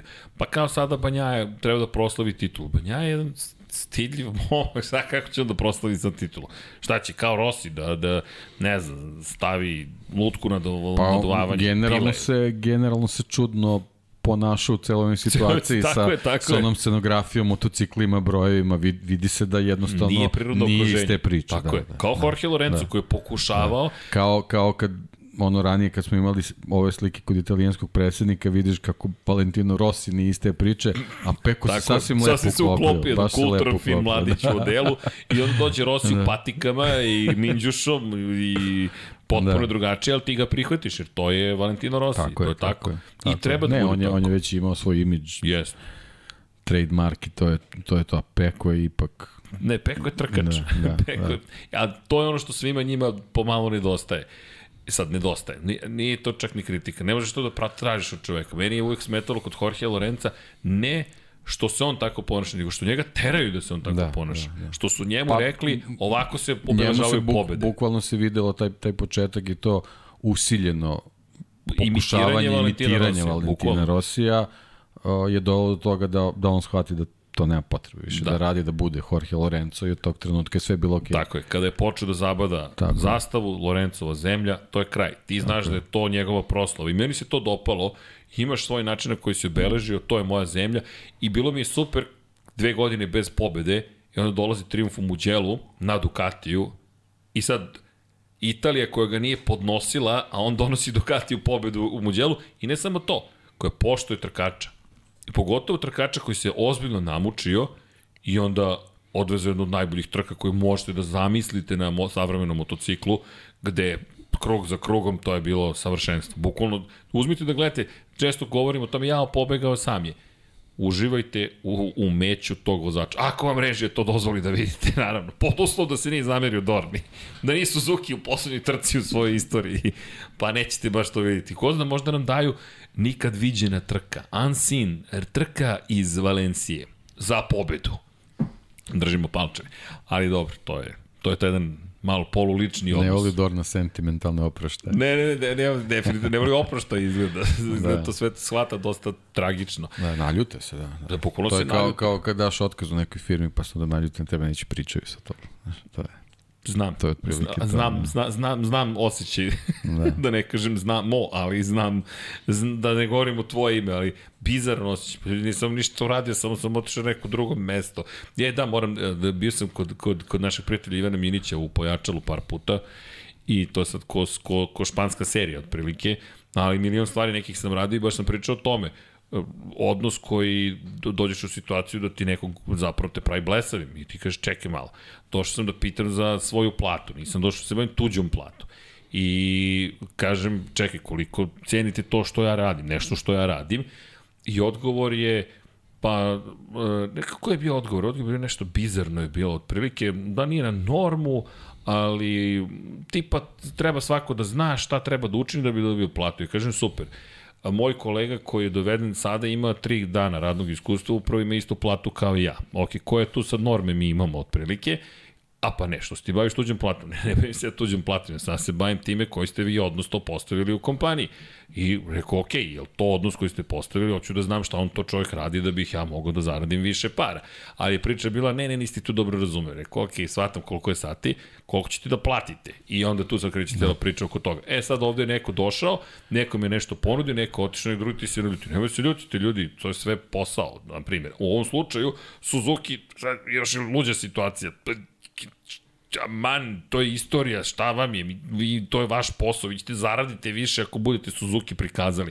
I ne samo to, Valentino Rossi, da su snimili Rossijevu trku, da su angažovali još tri kamere koje snimaju samo Rosija celu trku i to pustili na YouTube, a napravili mu veliki ispraćaj, jel te, tome smo pričali prošle godine, sad bi imali jedno 100 miliona pregleda na YouTube, od oglašavanja na YouTube-u, ja mislim da bi zaradili više Tako nego te cele trke. Tako je. Kažem biznis, ali da. kad Ali opet, izmešaš... kad smo već i kod biznisa i te organizacije firme, opet moramo eto da, da se vratimo na Ducati i sad već kad si Lorenza spomenuo i sad jedan od, od ogromnih izazova uz otkrivanje kako da taj Ducati bude još upravljiviji je ta dvojica koji će da upravljaju tim Ducatijem, kako da se slože, kako da se upare. Ovaj, možda je, možda je za njih e, Kako? dob, dobra je okolnost Kako, što deki? postoji ono da kao plus i minus mogu da, da budu zajedno, pošto se stvarno vide su ovo, ova dvojica dva vozača potpuno Da. da. različitih karaktera, Peko i... ali poslednje Ne, ne, Neine izjave mi se jako sviđaju i jedva Na koje čekam misliš konkretno? da mu je mnogo drago što je Peko svetski šampion i da će mu biti drago da proba da pobedi svetskog šampiona sledeće sezone. Pazi, nije ni počelo, da, već je mnogo počelo. mi je krivo što je tek 17. novembra. Bukvalno, zna- ali vidi, ali to je ono što nam treba. Da. I ja zaista mislim da zapravo, da, ne sprint trke, nego, nego ko? Peko koji brani titulu. Fabio koji želi da vrati svoju titulu, Mark Marquez koji se vraća kao Feniks, jel te? Koji ima sad neku, pazi, pazi, ironično je koji on ima, koje nasledđe on ima, da on ima putanje, trajektorija karijere poput Valentina Rosija. Jel možeš ti sad posle povrede da se vratiš? Rossi nikad nije uspeo. Bilo je pobeda, ali možeš ti da se vratiš. I ukoliko se vratiš, da li možeš da se izjednačiš sa Rosim? Zatim dolazi Bastianini, koji ima četiri pobjede u privatnoj ekipi koji je sad fabrički vozač i ima Karla Pernata u sebe, koliko god Karlo planira, to smo čuli, da to, to, to je to sam saznao sad u Valenciji planira da smanji broj trka koji će posećivati. Nisam baš siguran ukoliko bude potreban ne i da će smanjiti nužno. I onda po, povrh svega toga dodaš mir u Hondi, da li... Dobro, ne bih sad, to moramo da vidimo sve. to, to, za to, dalje. to, znači, ja, ova četvorka se svakako ova četvorka se je tu zato što imaš Markeza, sad smo rekli zašto To moraš to. da računaš na njega, imaš Fabija, Yamaha Moraš. nema izbora, ona, ona nema više izbora, ona mora, Pa, znaš kako, mora nešto ne da uradi, će završiti gotovo. kao Suzuki. Pa, ali ne, ostaće bez Pazi, Fabija, Ja- Yamaha ove godine izgubili Superbike titulu. koja je prošle godine- godine uzela sve. Tako je. Sve, uzela i Super Sport. Ove godine Ducati uzeo sve. Da, Ducati uzeo Superbike. Tako je. I još jedna stvar, Ducati je uzeo Moto E ceo. Tako je. Ceo Moto E sledeće godine će biti Ducati. Dakle, ne samo što imamo osam Ducati u Moto Grand Prix-u, nego kada se bude vozila Moto E trka, bit će Ducati protiv Ducati Tako protiv da Ducati. Yamaha i Honda, ako misle na- o, o nekoj budućnosti u Moto Grand Prix-u, sledeće godine ne, ne mogu, ne, jednostavno nije dozvoljeno da budu samo učes, učesnici. Oni to sebi ne, ne smeju da dozvole. Da, i, i, I zato, zato bih se zadržao na njima. okej. Kva- Quartararo i, i, i, i Marquez iz tih razloga zbog kojih mora da bude tako i dvojica fabričkih vozača Ducatija čisto zbog šampionske titule Peka Banjaje i te evolucije 22 koja eto sad samo treba da se nadogradi za, za 23.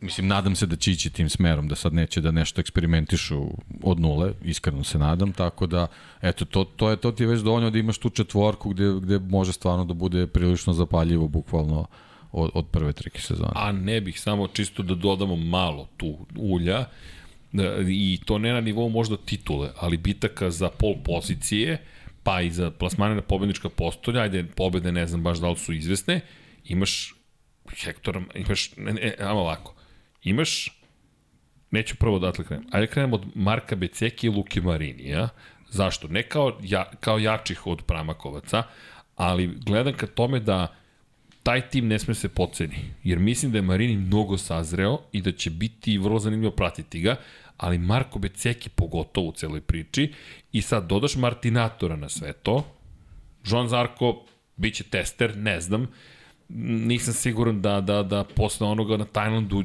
kao da, kao da je pa sebe kao da je stavio... tu neka druga uloga. Tako da, je, kao da je da, sebe jasno da. sama, svima nama pokazuje, ljudi, imam nek drugog posla ja ovde sada. Da. E, to, to mi je Ne, utisak. Jorge jednostavno ima, verovatno će sebi da da zadatak da dokaže da su pogrešili u izboru fabričkog vozača. Tako je, tako tu, je. tu nema šta, kažem, ove sezone je po meni pokazao, on je taj one lap wonder što se tiče kvalifikacije, Apsolutno. tako da to treba da ostane, ali upravo to što si rekao, VR46 koji se opredelio za 22-ke, bit će u savršene pekove verzije, to je potvrđeno. Znači, to su 22-ke sa kraja ove sezone, oni imaju sve podatke. Tako je. Kao što je Enea ima ove godine. Tako je. Oni, će bukvalno da preslikaju priču Gresinija Ali- sa, da, sa Eneom od ali ove sa sezone. iskusnim vozačima. Sa iskusnim Sa vozačima, iskusnim koji vozačima. sad već ozbiljno kilometražu I imaju su u te u, motore. u, u Grand Tako je, Prix, i, i znaju šta ih očekuje i sigurni su uspeh tog motocikla, jer su videli Tako je. upravo Znači, 21 oni, i oni, 22. Kao što je bilo sa, sa Eneom na početku ovaj, sledeće sezone dolaze sa motociklima za koji imaju sve podatke. Ili ti Luka Barini pobeđuje u Kataru. Ne Kataru, u Portugalu. Portugal otvaramo sezonu. To mi je bizarno, ali okej. Okay. Ali, ali ti imaš tim koji može da bude mnogo opasan, deki. Zaista može da bude mnogo opasan, jer njihove, za razliku od Zarka koji mora da testira, Njihovi plan, nema testiranja. Naš plan je osvajanje. Šta Nema šta da testiraš? testira. 22 je, nećeš ti dobiti nove delove, ti ćeš možda dobiti kasnije neku oplatu Pa ili dobro, neku kao što je. Enea dobio, Tako je. da, da. Ali nije ga usporilo to što nije imao nove On je oplate. dobio na dograđeni, na dograđeni G5, 20 21 keca, ali, plus. Ali da, ali ne, ne u tim nekim ključnim elementima, nego je to sa, sa tom nekom aerodinamikom koja ne verujem da je kod njega igrala neku specijalnu To. ulogu, pošto to nije taj motocikl, to nije ta osnova, tako da... I, i, i izvini, još jedna stvar, zašto mislim da Zarko će igrati još manju ulogu, jer će Zarku pripasti uloga i mislim da mu je pripala tokom ove godine, žao mi što nisam pitao, to treba proveriti, a to je onoga što je radio Banjaja na početku prošle godine. Banjaja je, to je greška Ducatija bila i to on lepo rekao, testirao nove delove i primenjivao na taj motocikl. To se ne radi sa trkačem. Sa svojim glavnim trkačem to ne radiš. To radiš sa nekim ko je zadužen da testira. To će u Hondi biti Takaki Nakagami. Honda, kako, koliko sad stvari znamo, neće ni Rinsa ni Mira terati da testiraju delove. Ne, Taka, tebe se ne čekaju rezultati. Ne, ne, pa upravo zbog ovoga što smo rekli, znači Honda više nema izbora, ne sme da bude učesnik, ona mora se takmiči. može. Ne može. Mora se takmiči sa više motocikla da bi povećala procenat nečega što može da uradi. A Yamaha ima dva motocikla. Da. Za razliku od Honda koji ima četiri. Da. Apropo Ne, Yamaha za sad dolazi u situaciju Suzuki. To je sad jako, jako teško I to je opasno za- za- za tokom sport. sezone bilo šta. Da. To je baš opasno Ma za to je sport. opasno za Yamahu. Da, i, i za nas da, da ćemo svesti na jednog japanskog da. proizvođača. E, zato se da. ja nadam da će Yamaha naći neki tim s kojim može da se rađuje. Da, e sad kad pričamo van, van, ovaj, van japanskim Van proizvođačima, uh, Brad Binder. jako bitna stvar, ne, ne, ne, jako bitna stvar je Aprilija. A, To jest RNF ekipa koja ima podatke od ove sezone i ima dva vozača koji moraju takođe, u stvari žele da pokažu Miguel Oliveira i Raul Fernandez. Ja mislim da će Raul biti brz kao što je bio pre dve godine. Meni se mnogo sviđaju ove, ove prve izjave posle testiranja. Uh, otkriveno je da je, da je uh, Miguel praktično seo na motocikl na kojem ništa nije podešeno bilo za njega i on je bio dve desetinke samo sporiji od vremena uh, od vikenda trkačkog. Ali to ti govori i o Aprili. A treba se podesi I sedište Oliveira. i rezervoar i Sve mora ručice se podesi. i sve živo Sve. treba se pod- Sve. podesi. Osnovno On je seo i bio spori samo dve, dve desetinke.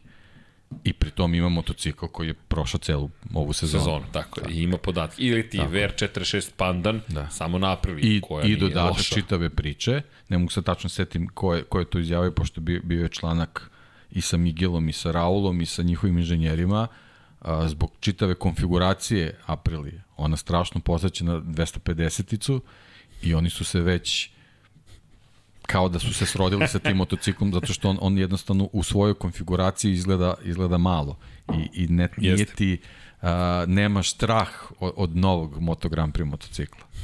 Tako da njih dvojica gledajući Eneinu priču od ove sezone nadovezuju se na priču sa VR46. Znači dobijemo neka četiri potencijalna motoci- motocikla koji stvarno mogu da onako zagorčaju čitavu priču, posebno što imamo tu trku u subotu koju u stvari to će biti taj pripremni trening za, za, za trku u nedelju, ali, ali ti ćeš već tu imati motocikle koji, koji nema šta da se pripremili, imaju sve podatke koji su im potrebni. A koga tu vidiš najagresivnijeg da će biti? Ovako sad pričamo na pamet, ali Subota? da, Jorge Martin. misliš da je to to? Apsolutno. Da, Apsolutno. da, to deluje kao da su njegove trke. da, da, to je to, da. dovoljno je kratko da on može da Tako je. vozi na Dovoljno njegov su dva, način. tri kruga ubistvena To je i to je to. Jer to otvara, koliko god da mi se ne dopada koncept, ali otvara priču vozačima koji ne znaju da štede gume. Ne, meni se ne dopada koncept zbog uh, psihičkog pritiska Tako je, na vozača. preveliki broj trka. toga mi se ne... Da. Mislim, to je, Svi to je volimo trkanje, praktično ali- još jedan trening. Tako je. Ništa oni u treningu uh, nisu Neće usamljeni na fizički stazi. oni biti opterećeni, ali Tako je. psihički. Ali to je, to je veći problem. Da, to je, jer to je rizik još jedan. I to je Tako rizik je, što te je. košta titule sutra. Tako je, tako je. Ja naš koga još isto vidim? Vidim Markeza. Mislim da će Marquez biti veoma agresivan u toj celoj priči, ukoliko se telo zaista oporavilo. Ukoliko, jer opet on je na početcima trka bivao mnogo bolji.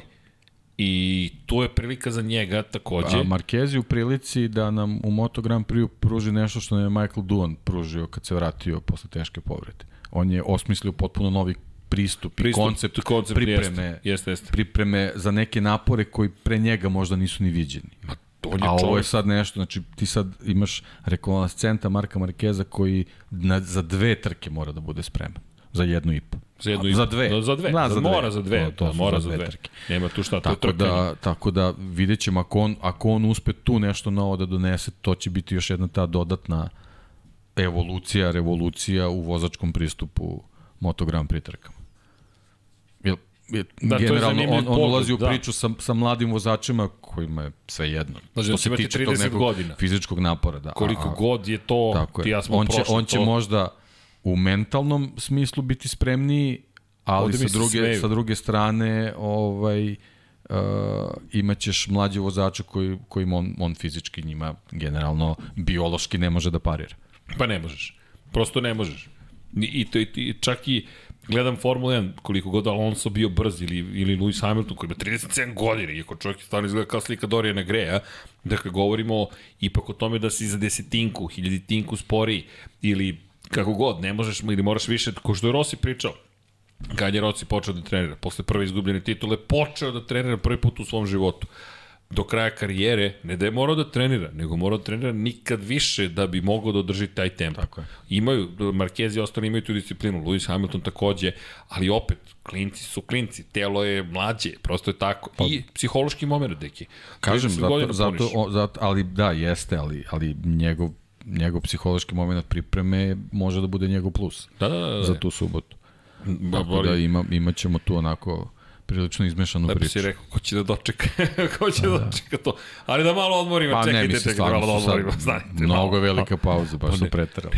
ne, ne, deki, veruj mi, prvi put u životu. Ali zanimljivo, sad u Valenciji kad smo bili, nikad nisam u životu video umorniju grupu ljudi. To sam pričao već, ali moj utisak je zaista bio zapanjenosti. Nisu to godine.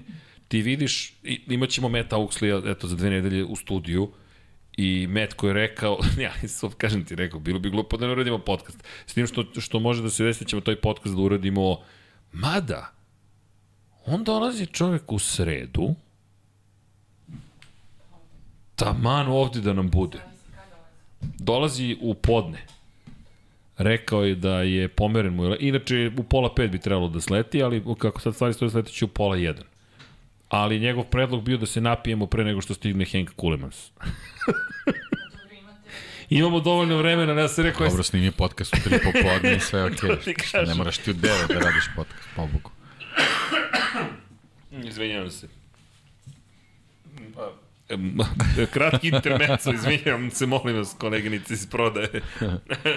Deki, prepustit ću vama reč. Da, Evo stižu i neke, neke donacije, koliko ja vidim ovde. e, čekaj da, da uskočim. 5 evra, Bahtir Ab- Abdurmanov, hvala. Hvala. Bahtir Samo da Abdurmanov. pozdravim najbolju ekipu, hvala, Hvala, pozdrav. Bahtirije. Hvala. A, a, Čekaj, ali mislim da tu još nešto bilo, ja sam to sad, ja sad ovde ne mogu da vidim. Aha, evo ga, ne, čekaj, sad ću ja. evo ga. Ne zamerite, mi smo se raspričali. A ovaj kašalj koji ste čuli, nisam, jel te zarazan, nemam covid, ali, ali, tijelo je malkite tako. Jesam, dobar sam. Nemam dve crte. Sad je to postala redovna stvar. Ali, da vidimo, samo izvinjam se. Mislim da je bila još jedna donacija gore, Čekaj, čekaj, ali čekaj, sad ću ja da to ja to nađem. ne mogu da... Da, hvala svima zaista. E, samo da vidim gde je super. E, hvala najlepše. Ne mogu da te odmenim, pošto ja to ne vidim. Iz nekog A- razloga, ne znam zašto. Supers. Ne, posle nekog vremena istekne. Aha, E, samo da vidimo. Izvinjam se za ovu diskretnost. Indiskretnost. E, mis, e, Mr. Team, 250 dinara. Forza Peko, Forza Max, E, to, pozdrav za bravo, ekipu. to je to, to je Hvala. to, da, da, da. Jeste se vi prijavili za inženjera? To jest za Akademiju Red Bullovu? Evo još jedna stvar. Za one koji slučajno nisu bili sa nama, e, utorak, samo da znate, imate pozdrav od naše drage koleginice, prijateljice i predivne Šejle Čebirić. Šejla Čebirić koja nam je poslala evo ovako, za one koji ne znaju, sad ću staviti link u chat. Dakle, Znam da je MS13 rekla da će se prijaviti, pretpostavljam da je dama, ako nisam pogrešio, ako sam pogrešio ne zamerite. Dakle, e, inače pozdrav svima koji su, koji su večera sa nama, nadam se da vam ne smeta što se eto ma- malo tako drugačije družimo. I evo ga ovako, imate link, upravo sam, sad ću da ga pinujem, o čemu se radi ovde, ne znam da li ima još uvek fotografija Motorsport Jobs Ako ima koleginice, ako možete da je prikažete, nema veze, bila je utorak. Dakle, Red Bull Engineering Academy. Reč je o Formuli 1, nije o Moto Grand Prix, ali obavještavaćemo ćemo se ukoliko saznamo nešto za Moto Grand Prix. Dakle, svi oni koji diplomiraju do leta 2023 i ukoliko mogu da počnu dok radi od avgusta 2023. Da, govorimo o Milton Kinzu u Velikoj Britaniji, nema veze iz koje države dolazite. Prijavite se. Imate do 2. decembra priliku da se prijavite.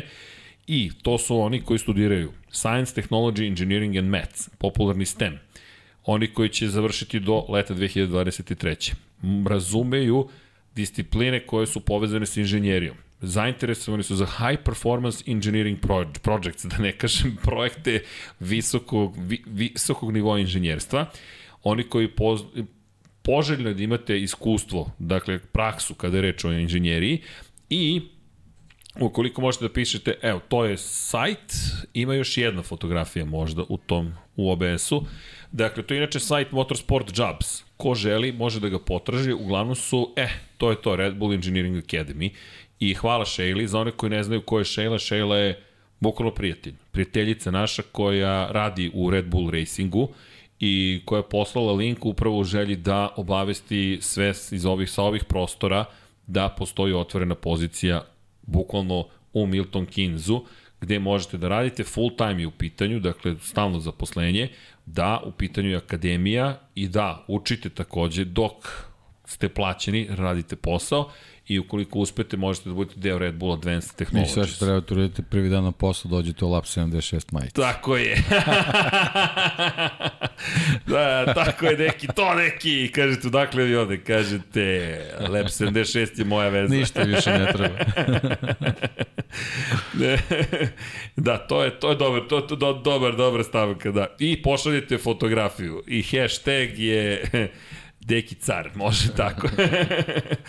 tako da znate, jer ko je naša vizija, misija, mi zaista verujemo u to, jeste upravo da širimo ljubav i prema automoto sportu, generalno neke lepe pozitivne stvari, pričamo lepe priče, ali takođe da pokušamo da otvorimo vrata zaista svetskih takmičenja ljudima sa ovih prostora. Da li su to trkači, da li su to inženjeri, inženjerke, kako god želite, dame, momci, sve jedno je, nevažno je veroispovest, da, jako je važno nacija, ovaj, da dobijete priliku, Tako je. da ste posvećeni, a onda ako uspete, vi ćete to sve što ste tamo stekli vezano i za znanje i za iskustvo možda jednog dana doneti ovde, pa će se ovde malo ta čitava priča uzbiljiti i raširiti, a onda posle je nebo granica za Tako sve je. ostalo. Jer to je točak, ne. prosto se to onda pokrene, Tako je. onda kao što Šela, ja se nadam da može da inspiriše neku novu generaciju. Da. Imamo i Šelu, imamo i mlade Tako vozače je. neki, eto. Dino Beganović, Tako je, na njima je, je, na njima je sledećih 5-10 godina da, da uspeju u svojim poslovima i da onda to ovde prenesu Tako i da je. onda neke nove generacije ovaj, stasaju, da ih bude sve više, a onda mi možemo da uživamo samo pa to. Pa da, i da navijamo za vas, Tako bukvalno. Je. Pa neka sutra Sheila da sedi na pit wallu u Red Bull Racingu ili Mercedesu ili ne znam u Williamsu i kaže pobedničku strategiju imam, imam za vas. Hana, beat this, ako možeš. Borite se protiv Hane Schmidt. Šta, da li sam video? Kako? Prelepa slika na Instagramu, da. Nisam, nisam vidio Mnogo slatka slika. Pogledat ću, ali, ali ček, sad ću to odmah da uradim, ali apropo uh, cele priče o, o tome, dakle, imate Miodraga Kotura koji je bio šef logistike jednog Ferrarija koji sada vodi e, ekipu Leopard Racinga. Dakle, mi govorimo o ljudima koji su poreknu sa ovih prostora imate sada, imate Lukasa Tulovića koji će voziti u Moto2 kategorije ljudi, to je čovjek, ja, ajmo, Dino Beganović da ne zaborim, potpisuje za Formulu 3, momak je osvojio Formulu regionalnu kao član Akademije Ferrarija. Da, on je šveđanin, bosansko-hercegovačkog porekla. Dakle, on dečko vuče korene svojih prostora i pokazuje on je Zlatan Ibrahimović. Ne, Zlatan Ibrahimović, tako je, on je Zlatan Ibrahimović trkanja. Bravo, deki, ti si car. Kaži mi, hashtag, deki car. Dakle, Dino koji ide Eto, u Formulu 3. Neka dostigne Zlatanove visina i to je to, dobro, da, ne trebamo više ništa. E, šta smo rekli? Da, pa, pa jako smo rekli, za koga ćete navjeti? Otvoreno za Dina Beganovića, ne znam čemu pričate uopšte, sad ćete da vidite šta je. Ako mislite da mi navijamo za nekoga, sad ćete dobiti dokaz da ne navijamo ni za koga, osim za Dina, za Filipa Jenića, za tu ekipu. Zašto? Zato. Za Lukasa Tulovića, Apsolutno. Dakle, čovjek se potpisao kao nemačko-srpski šampion Evrope u Moto2 kategoriji. Pa šta vas te tražite više od toga? Dakle, to su neke prelepe priče. I da, da neko, ne, inače, uh, samo kratko, uh, moram da odgovorim jedan komentar da mi radimo protiv Dina Begana, da nećemo promovišemo Dina. Ako gospodin sluša, sram vas bilo. Sram vas bilo. I ja ću vas, još jednom napišete to banovati trajno sa ovog kanala. Gluposti o tim podelama, negde drugde. Ovde je samo ljubav. Dakle, Dino, mega like iz ove, od ove ekipe. Ali činjenica je da, da su to neki ljudi koji treba da inspirišu, da neko svojih prostora kaže, čekaj, mogu ja ovo, ajde da ja probam, ajde da uspemo, ajmo da se držimo zajedno, jer samo zajedno možemo da uspemo.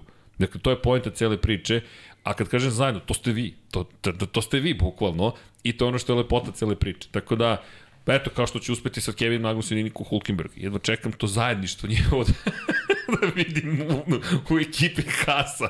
Ali čekaj, neki... Koleginici iz prodaje ne vidi da si se uhvatio za glavu. Ali čekaj, pa. od, od, od, od one terminologije do, do ne, ne, ali dobro, to je neka druga priča. Nećemo tako zajedništvo, neko zajedništvo pravo, ali dobro. E, u svakom slučaju, prijavite se za posao, ljudi, zaista, ako ste studentkinje, student, sve jedno je nevažno, je, kažem, nevažne nacije, veroispovest, to sve, sve, sve nešto ne, nevažno je, polovi, prijavite se u akademiju, možda zaista možete. Evo, Sheila je bila u Sarajevu u momentu kada se prijavila devojka za posao u Milton Kinzu. Otišla je u Milton Keynes, nije problem bio da dobije, do, da dobije radnu dozvolu, nije problem bio da dobije radnu vizu. Platili su nije put. Nije bio problem da dođe u studiju, na krajnji verzum. ne, rekla je Sheila, nisam još spremna. Ne, ja ne, rekao. ne pričam sad. A, da, pre. došla je, došla je pre toga. To, jeste, jeste. Nije, nije još bio problem da dođe. Ali da. nije bio problem da dođe. Tako je Šela je bila ovde kod nas i tako da, eto, I Šela, zapravo, šta je takođe se desilo, i Aleksa Vuče, na primjer... Kad budemo ovaj videli Horner, rećemo, prvo je kod nas bio. Kažemo, Kristijane, Ajde u Akademiju Lab 76. u Akademiju menadžmenta. Ali da, Šela, carica, bukvalno. I ne samo Šele, nego i Aleksa Vuča i pa Dragoslav koji nam šalje. Posledite Šelin profil da vidite poslednju sliku koju je postavila. Ne znam dalje, njen otvoren profil. A, ali... Nema veze, zapratite Šejlu. Zapratite, ubiće nas ako čuje da smo to rekli. Šela koja isto ko ti ne voli baš da, da, ne voli baš da bude u, u centru pažnje. Eto, ja sam rekao. Ali ako si ti rekao, evo, sad ćemo da vam podelimo profil, pa sad ako se bude ljutila, šta sad? Pa malo će se ljuti, pa će biti sve okej. Okay. Sad mora da bude svesna da je inspiracija, tako da. Evo malo. Boc. Da li smeš da ubaciš fotku? Ne znam ti ubaci ako nas tuži šta da radim. Molit ćemo je za oproštaj. Ali kratko stavi sad. A kratko stavi, da, da, ne bude dugačko. Šegla koja se bori još uvijek da, da odbrani, odbrani svoju titulu u fantaziju. Nisam baš siguran kako će to, ali vidiš koliko je teško. Svaka čast. Svaka čast, ej, dve godine dve za redom. Dve godine u vrhu biti. Među vodećih tri. To ti samo govori šta može. Što kaže Fabio drugar, pa ej čoveče, prošle godine si bio šampion, sad si vice šampion, ej, znaš ti šta je to? To je pa, to. Pa dobro, moraš tako da gledaš. Pa malo neke pa, motivacije. Moraš, moraš, moraš da gledaš tako. Mora, mora i to da se, da se podrška pruži. Pogledaj sliku. Čekaj, a? Fenomenal. Kakva fotografija. E, dovoljno. Dovoljno, to je naša šela, mi smo je svojatali kakavo je Red Bull, je Lab 76 majica? Ali da, to je bukvalno živa istina. I ono što je fenomenalno jeste, eto, čisto da znate. Dakle, sve je moguće, morate da radite naravno sebi, Šela je neko ko, ko, dama koja se školovala, koja je radila takozvane van nastavne aktivnosti, pisala je blog o Formuli 1, analizirala krugove za nas, sama ih je poslala, javila su i rekli, ej, ljudi, imam nešto za vas, nama je to pomoglo, Aleksa takođe, Aleksa koji je u svoj matur, ne znam, u diplomski rad ubacio, tako, e, šta je radio za Lab 76, i to su te stvari, ljudi, tako se jel te dešavaju snovi. Mislim, snovi da se realizuju. Da, ali evo vidiš i Boris Trutin ima za tebe odličan predlog. Šta ima predlog? Da Završi faks na brzaka i eto ti prilike. ne, Boris, nisam baš najbolji, ne smijem da se smijem. Q&A kreće upravo. Q&A je upravo krenuo, da. A nismo da. nigde, nismo, nismo ni prošli sve. Dobro. Ma ne, dobro, A, dobro ovaj, da. časkamo malo. Danas časkamo. Časkamo, tako je, tako je. Srki, eto ti prilike, da, da, hvala. da, divno. hvala, ali dobro. Da, i trudit ćemo se čak i da nađemo za druge poslove, imate na ovom sajtu dosta poslova gde možete se prijaviti, nije to samo za studente, nije samo za akademiju, imate za ljudi koji imaju određene iskustva, tako da to je inspiracija, to je način da se, da se ode dalje. Vidjet ćemo za Moto Grand Prix. E sada, Stefan koji kaže, pročite sam negde da se kompletno Laguna Seca renovira, da li ćemo možda 2024. videti Vadiće ponovo u Moto Grand Prix, znači pozdravljati samo nastavite kao do sada. Hvala! Pa... Da, renovira se, porušili su bukvalno sve prilazne puteve, ozbiljne faza rekonstrukcije, sad svi bismo želeli da se vrati. Vi bismo mali... želeli, ali nisam siguran. E, trenutno, ako pogledate, mnogo je zapravo mnogo je zainteresovanosti za Formulu 1 u Sjedinjenim američkim državama. I Laguna Seca teško da može dobije Formulu 1, su više mala, ali Moto Grand Prix ne radi na, to, na tom, Moto Grand Prix to pokuša i nikako ne uspeva da otvori američko tržište. Moto GP Unlimited je de facto fijasko. Zaista je ispo fijasko i propustili su priliku da se da uhvate taj vozić koji se zove Formula 1, da sebe predstave kao Formula 1 motociklizma. A imaju sve elemente. Dakle, kada pogledate jednu trku Moto Grand Prix-a, ja ne znam koji element tu nedostaje, osim onoga što se zove filmska priča, rivalstvo. To je ono upravo što dobijamo sa Eneom i Pekom, gde Dorna čak ne može ni da izmisli rivalstvo kvalitetno, ali mogu sami vozači da ga stvore. Ne kažem da treba veštački da se radi, ali da bi neki sport funkcionisao, potrebno je i ta vrsta pomoći, da ima dovoljno gledalaca, interesovanja, da kada dođe kriza, kada dođe taj pad, da se to ipak preživi, jer to kod svih sportova dolazi. Evo, Formula 1 imala pad, pa je sad otišlo to u vis. Doći će pad u jednom trenutku, samo ne znamo kada.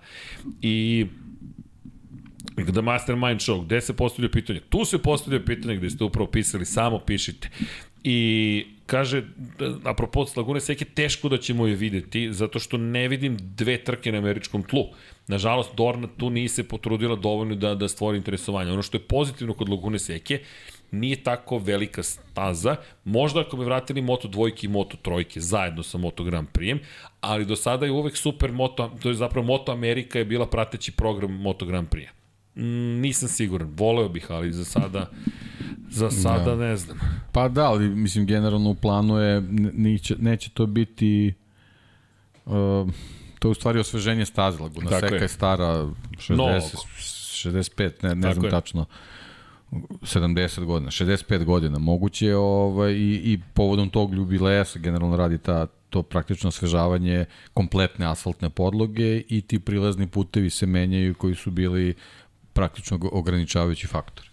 Tako da neće ona pretrpeti e, neko savremenjavanje u smislu da odgovori standardima, ovo što je Srki rekao, da, da, da pre svega tu može Formula 1, teško, pošto krug je 3, nešto kilometra, to je jako, tako, dva, da, da, malo više od 2 milije, tako nešto, znači 3,5 km recimo, ovaj, tako da jako je teško da, da, da, da se tu ovaj, nešto po tom pitanju promeni, a, a Što Formula 1 nije indikar, neće tako ono je, da gurne. Ali ne, ali već imamo ugovore tako je. Na, na postojećim stazama, to je stazama koje Imaš će i te, te Miami, tako Las Vegas, Kotu. Tako je. I ako bude još neko uskakao, imamo Mexico City kao Severnu Ameriku, imamo Montreal. To je pet trka već na Severnoameričkom klubu. Tako je, to je, to je već Poprilično. To je već poprilično, upravo ono što smo pričali, ta fluktuacija gledalaca. Ne, ne, ne može ni da se preoptereti, zato što će sigurno neka, neka trka da, da trpi. Jednostavno, kao što smo imali Moto Grand Prix u četiri trke u Španiji, plus jednu u Portugalu, a realno ne možeš da napuniš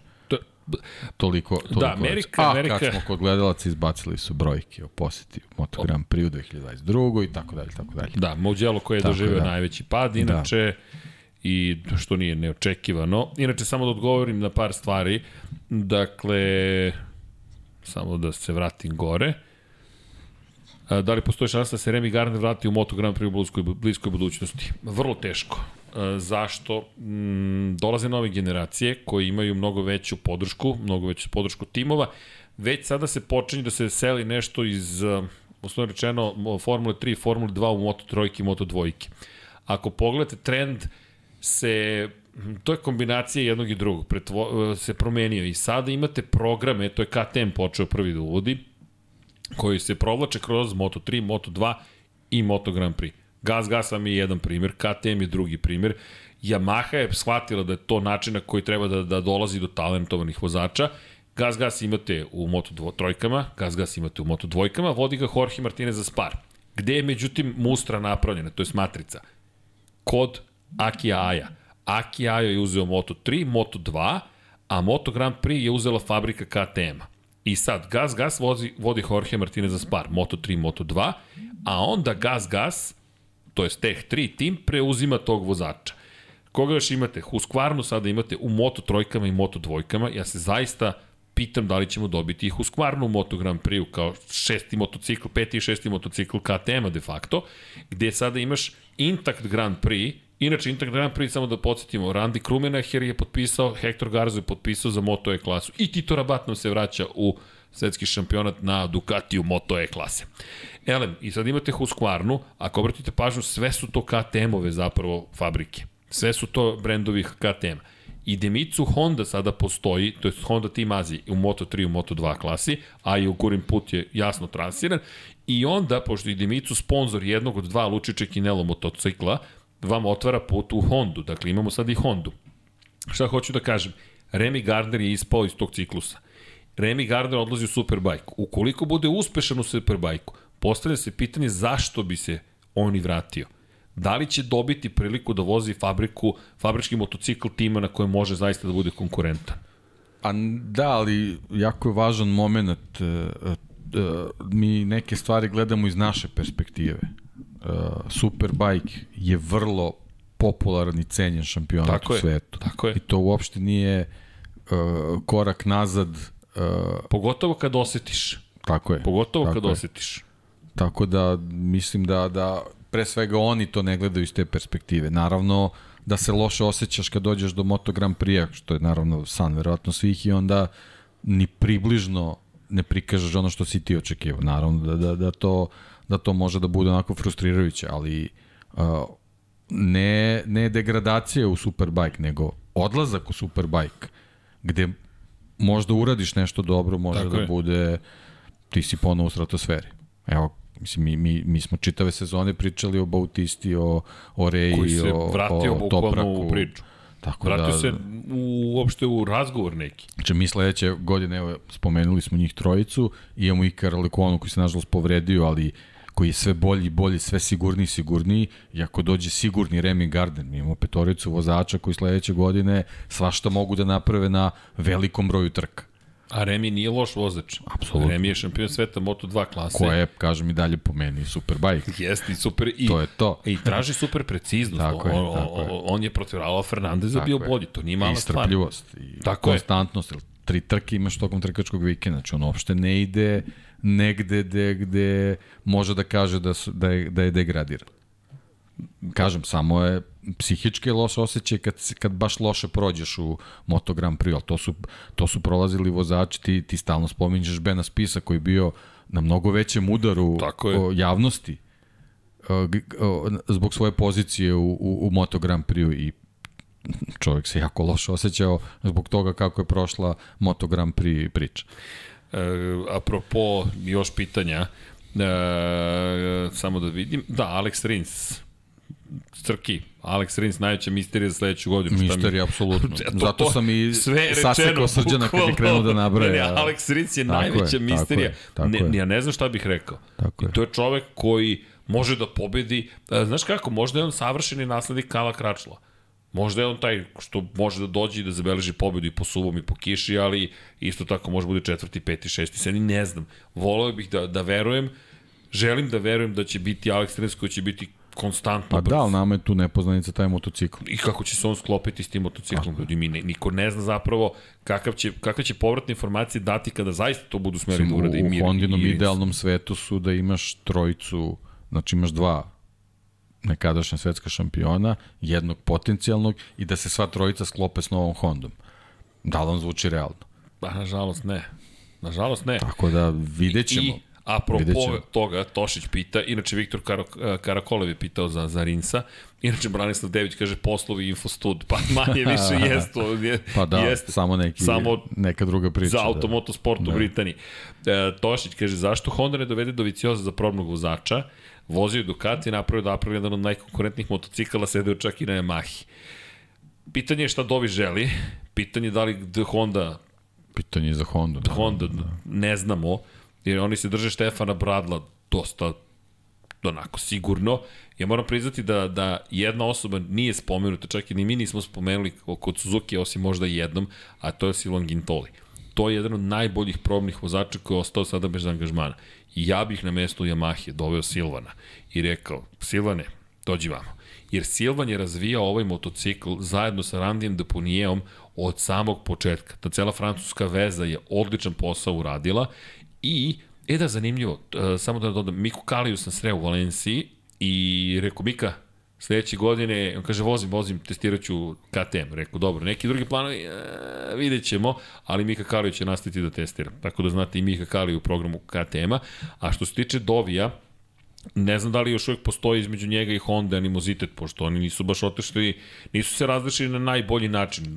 Bio on fabrički vozač Repsol Honda, pa je Honda htela da ga otpusti i onda ih je on tužio da moraju da ispoštuju ugovor, pa ste dobili tročlanu ekipu Repsol Honda, Andrea Dovizioso, Dani Pedrosa, Casey Stoner, najmoćniji tim verovatno svih vremena, ali Dovi je tužio Hondu. Nije baš Dovi bio tako lako popustljiv, pa ne znam koliko su sad zapamtili to. To moram priznati, nisam nikad se pitao, nisam pa ne, nikad mislim. Teorija je, ono, pije vodu, ali...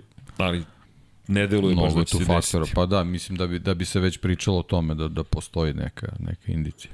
Da. Ili je veće vreme da se priča o tome. Inače, El Mesija kaže, pa imaš rivalstvo timova Aprilia, Ducati, Honda, Yamaha.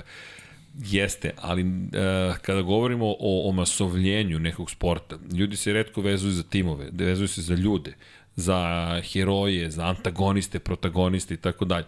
E, znam da to zvuči kao samo marketing, ali verujte, na većini rivalstava je zasnovano zapravo uh, mnogo popularnih momenta i u Formuli 1, pa prošle godine Hamilton protiv Verstappena, pa 88. Sena Prost, pa Schumacher protiv koga god želite da birate, Vilneva, Hila, Hakinena, Alonsa, to su stvari koje, koje zapravo bude interesovanje. Rivalstva i dueli, prosto takva je priroda, da li čoveka, da li sporta, ne znam, tako da o tome pričamo, slaže se samo, mi uvek vidimo rivalstva, samo što mi smo već tu, kako će da dovedu nove neke ljude i gledalce, to je ono što je pitanje za, za Dornu. Ne, to će, šta bi trebalo da se desiti da Marquez ode na motocikl nekog drugog proizvođača, vaše mišljenje o tome? Pa, ja ne vidim. Pa ne znam, Možda da izuzetno da bilo... loša sezona s Hondom. Da baš izgube svaku da, veru jedni u drugi. Da, da. Za sada ne gube veru jedni u drugi. Da. On je bio dugo povređen, Honda ranjena, tako kakav jeste. Ajmo da vidimo ove dve godine kako će proći. Mislim da je neko i napisao da istekne ugovor 2024. Pa da, to je, to je nevratno, on je dobio zapravo petogodišnji ugovor bio, od toga ironije je da su praktično tri godine prošle u povredi. 2020. izgubljena, 21. izgubljena evo se 2022. izgubljena. Treća i četvrta su zapravo te godine gde oni moraju da ostvare uspehe. Ukoliko ne ostvare, onda se tu otvara pitanje šta dalje. I za njega, ali i za Hondu. Uh, Ivica Niko kaže, nije mi jasno zašto kao svaki BMW ne uđu u Moto Grand Prix. Pa, pare, uglavnom, za sada ne vidim ni... Ogroman je projekat ući u Moto Grand Prix, zaista je ogroman projekat. Morate baš da budete rešeni da uspete, poput KTM-a, kao što je Suzuki bio na početku povratka u, u Moto Grand Prix, Kawasaki baš ne, nema nam. I drugo Kawasaki Pa kao svaki mala fabrika u tom smislu, to smo već pričali, nije, ovaj, a i generalno njihov imidž je veza nekako za Superbike od, od, od praktično početaka Superbajka u smislu njegove ovaj njegove ekspanzije tako da oni se nekako prepoznaju ovaj u Superbajku imali su tu jednu epizodu Moto Grand Prix to su onako baš opekli i verujem da ovaj ni, ni to čak ni, ni nivo motiva kakav Suzuki ima, mislim da, da, da posebno sad sa ovim, sa ovim razvojem te tehnologije u Moto Grand Prix gde, gde, gde, ovaj, gde će ti budžeti stvarno onako postanu astronomski, ne vrem da, da, da Kawasaki i generalno razmišlja o tome, njima je sad najvažnije da, da, da dobiju obrtaje u Superbajku, to je ono što im, što im treba u Pa, to- motociklu, to, to- to- to, to. ih jedino Samo zanima. da im daju dozvolu. I, I njima je to za imidž odlično. Što se tiče BMW-a, mislim, oni imaju toliko tih programa, ne verujem da je njima marketinški, verovatno u jednom trenutku ulaskom u Superbike bilo ovaj interesantno da, da, da možda i razmišljamo o to Grand Prix-u. Ušli su kroz program safety automobila, BMW i tekako prisu- prisutan u Moto, Moto Grand Prix što se tiče brenda, njim, njima je to važno, ali generalno njihov, njihov ovaj, komercijalni program i, i RR serija, njima je, njima je jako važno da se ne obrukaju Superbajku. Jeste. A vidi se da to jako teško ide da, da, da budeš u samom vrhu, tako da ovaj, mislim da su sad fokusirani oni na to i da, da stvarno treba, treba nešto mnogo da se promeni u menadžmentu, da, da, da se oni prebaci na Moto Grand Prix da, i da generalno raz, razmišlja o tome koliko je budžeta potrebno da, da, Pa. ovaj, da uđu tu, ali mislim da je to vide oni sad i sve šta se dešava u Moto Grand Prix koliko je teško dobiti pobednički motocikl, oni da učestvuju njih to ne interesuje. BMW sigurno to ne interesuje. Ljudi, e, nikada, iz naše perspektive nikada nije bilo neizvesnije po pitanju toga ko će šta da uradi u Moto Grand Prix. Ali iz perspektive nekog novog proizvođača, samo pomislite sledeće. Vi treba da uđete u šampionat u kojem niste 15 godina i u slučaju Kawasaki-a, a razlika je 1 sekund između prvog i 20. I vi sad treba da postavite I ta sekunda uh, se, se karakteriše kao neuspeh. kao neuspeh, i to ozbiljan neuspeh, to su kritike, tragedije i tako dalje. I sad imamo situaciju u kojoj ti ulaziš, treba da prvo organizacijonu strukturu da postaviš, da napraviš taj motocikl, da ga jedno dve godine testiraš, kada ga testiraš da ga uvedeš u trkanje, i onda da trpiš još jedno dve godine najmanje koje kakvih situacija, incidenata, problema, itd., itd., itd. I onda da se nadaš da si našao dovoljno A dobru oni koji su kombinaciju- već tu napreduju da. Tako je, vozača i motocikla da bi ti uspeo. A da bi doveo super Ti, zvezdu, ti praktično moraš da napraviš program da bi uspeo, moraš da budeš korak ispred ostalih. tako je, Da bi to taj korak ispred razvio da u tom trenutku bude pravi. pričamo dosta To o KTM-u, da. koji je rešen bio da uspe, ali ja često pravim tu grešku u Moto Grand Prix, po, povučen Formulom 1, ali mislim da suštinski nije greška. To nije KTM, to je Red Bull KTM. Budžeti koji dolaze iz Red Bulla su ogromni. Ogromni. Dakle, mi govorimo o tome da ti imaš sponzora i podršku koja je do sad postala, vidjet ćemo sada kada nema Dietriha Matešića, nažalost čovjek je preminuo. Da. Šta će Važan biti? detalj. Važan detalj. I sad, da li će biti beskonačnih para? Jer Red Bull nije imao problem, to, Red Bull nije htio da podrža Tech 3. Tech 3 mu nije toliko bitan. Strateški, M je francuski tim, M je to Red Bull kola i tako dalje. Ma dovoljno imaju Red Bullova već i u nižim kategorijama. Dobro, ali evo vidimo se KTM snašao. da, recimo da se... Što isto dovoljno govori o njihovoj Tako posvećenosti je. I, Da uspeju. i, i uverenosti da taj marketinški program da, da im je bitan. Tako je. I sad Kawasaki... I da donosi rezultate. Tako je. Zato mislimo da će Kawasaki BMW teško ući. Mnogo je, mnogo je skupo i teško, teško ući. Inače, evo vidim Pri tom, da... pri tom pojavom ovakvo KTM-a kako sad imamo i Aprilije, ovaj, tržište kvalitetnih inženjera se smanjuje. Jako je teško da ti kreneš u program da imaš inženjere koji će u ovom trenutku biti spremni da da uđu ovaj, u, u, u tako obimne projekte, naravno osim sad ove ekipe koje je u Suzuki ostala bez posla, ali generalno taj deo ekipe u Suzuki koja ostao bez posla, to su, to su uglavnom inženjeri sa japanskog podneblja. Jako je teško, ako sad već ulazimo u te neke detalje, da sad ne znam, BMW angažuje japanske inženjere sa, sa kompletnom svojom filozofijom koja je potpuno drugačija i načinom kako su radili da sad uđe, da se ukalupe u, u, u, u tu, tu ovaj, nemačku priču i da ti vrlo brzo postaneš funkcionalan. To je to je stvarno onako, onako teško. Pre, pre će Kawasaki možda je to u toj nekoj ovaj, priči da uspe, ali sad baš da će inženjeri Suzuki pređu u Kawasaki, to ne znam, to je sad već neka druga priča. I neko pitanje časti, to sad već I, ne znam. tako je, tako je. E, a, Daleko smo otišli s I, tim. i da. apropo, izvini, spomenuli smo samo Uh, spomenuli smo brojke ove godine o gledanosti, na primjer koliko ljudi je bilo pokraj staze i pratilo Da. i tako dalje i tako dalje. I spomenuto je negde oko 2,5 miliona. Čisto da bismo, uh, vratit ću se na pitanje, dali neku perspektivu. 2015. godine Dakle, 2015. u, samo da proverim koliko tačno trka, u 18 trka smo imali 2 miliona i 700, i 717 hiljada. Dakle, ako podelimo taj broj sa 18, 151 hiljada otprilike smo imali po vikendu tokom sva tri dana. Ako uzmemo, dakle, ovih 2 miliona i 427 hiljada, gledalaca 928 i podelimo sa 19, imamo malo, malo zbiljniji pad. Dakle, mi govorimo sada o tome da mi suštinski imamo, ja sad ću ti reći samo da ovde ubacimo, nekih 15% manje gledalaca. Mi imamo 15% manje gledalaca po trci ukupno, pri čemu Kota nije dala brojke. Najgledanija trka je bila u Nemačkoj gde se 232.000 ljudi skupilo. Inače, kada gledamo, pazi sad ironiju, 2015. sam uzeo, dakle, tamo smo se vratili u prošlost, najposećenija velika nagrada je bila velika nagrada Češke sa 248.000 gledalaca. Brna više nema, ušla je Austrija, tu su se podelili gledalci, ali opet neke od najgledanijih mesta ti ne posećuješ. Dakle, neverovatno. Inače, Španija, Jerez, 243.000 Pa dobro, to da smo već isto, pričali smo o tome, to je taj neki novi trend da, da generalno organizatorima posetioci na stazi nisu potrebni zato što je to dodatna glavobolja, oni, oni profite sa velikim brojem trka uzimaju na osnovu TV prava ovaj, i, te, i taj neki marketinški šer koji se tu pojavljuje i njima, eto, gledoci u tom nekom procentu maksimalnom njima, njima više nisu nisu neophodni. Inače, uh, ti, mislim, dobro, to, to, to radite i u Formuli 1, generalno se priča o toj poseti tokom čitavog vikenda, ali to su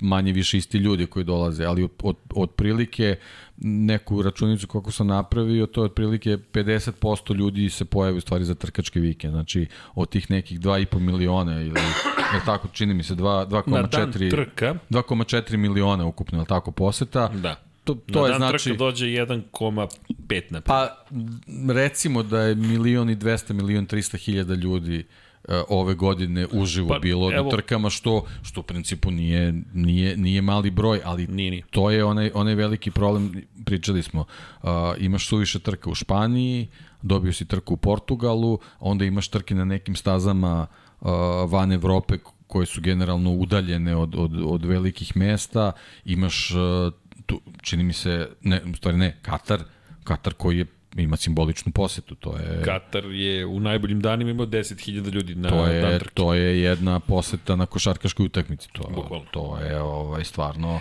ali, za, za, za Moto Grand Prix trke izuzetno Izvinjam malo, ali uh, hoću da kažem da, da, da je poenta da organizatori uh, nisu više zainteresovani da rade na tome više zato što televizijska prava im donose sredstva koje ona, ona praktično anuliraju taj manji broj ljudi. Pa, pazi, Katar je rasprodao, rasprodao tribine za Formula 1. Pričali da. smo o tome. Za Moto Grand Prix niko živ ni ne zna u Kataru da se događa Moto Grand Prix. Tu ima puno, puno stvari koje sam, da. niko nema pravu.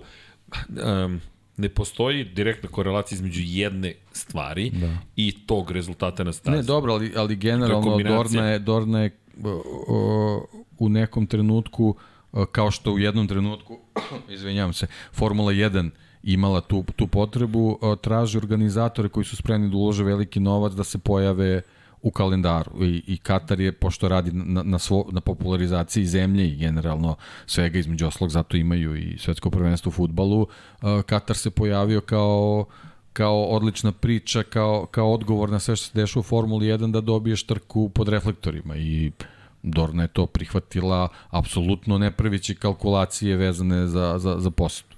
I to je, to je, to je ta kalkulacija koja, koja se odnosi na Katar. Posledno što se ove godine bile prva trka u sezoni, ti si TV pravima sve pokrio, apsolutno. Da, evo ti poražavajuće informacije. Ovo je, ovo je zaista baš, je, baš su teške informacije. Dakle, pričamo o posjećenosti ove godine u Italiji, u Muđelu. 43.000 ljudi je bilo na dan trke. 43.661. Počitaću brojku iz 2015. godine. Pročitaću iz 2016. 90.000 ljudi je bilo na dan trke.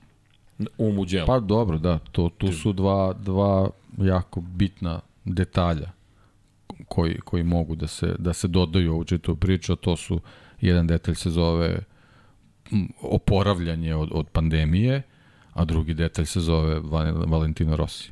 I Inače... to je To je vrlo jednostavno. Znači svako, svako neki procenat nosi i kad dođeš do, do neke konačne cifre, to je to.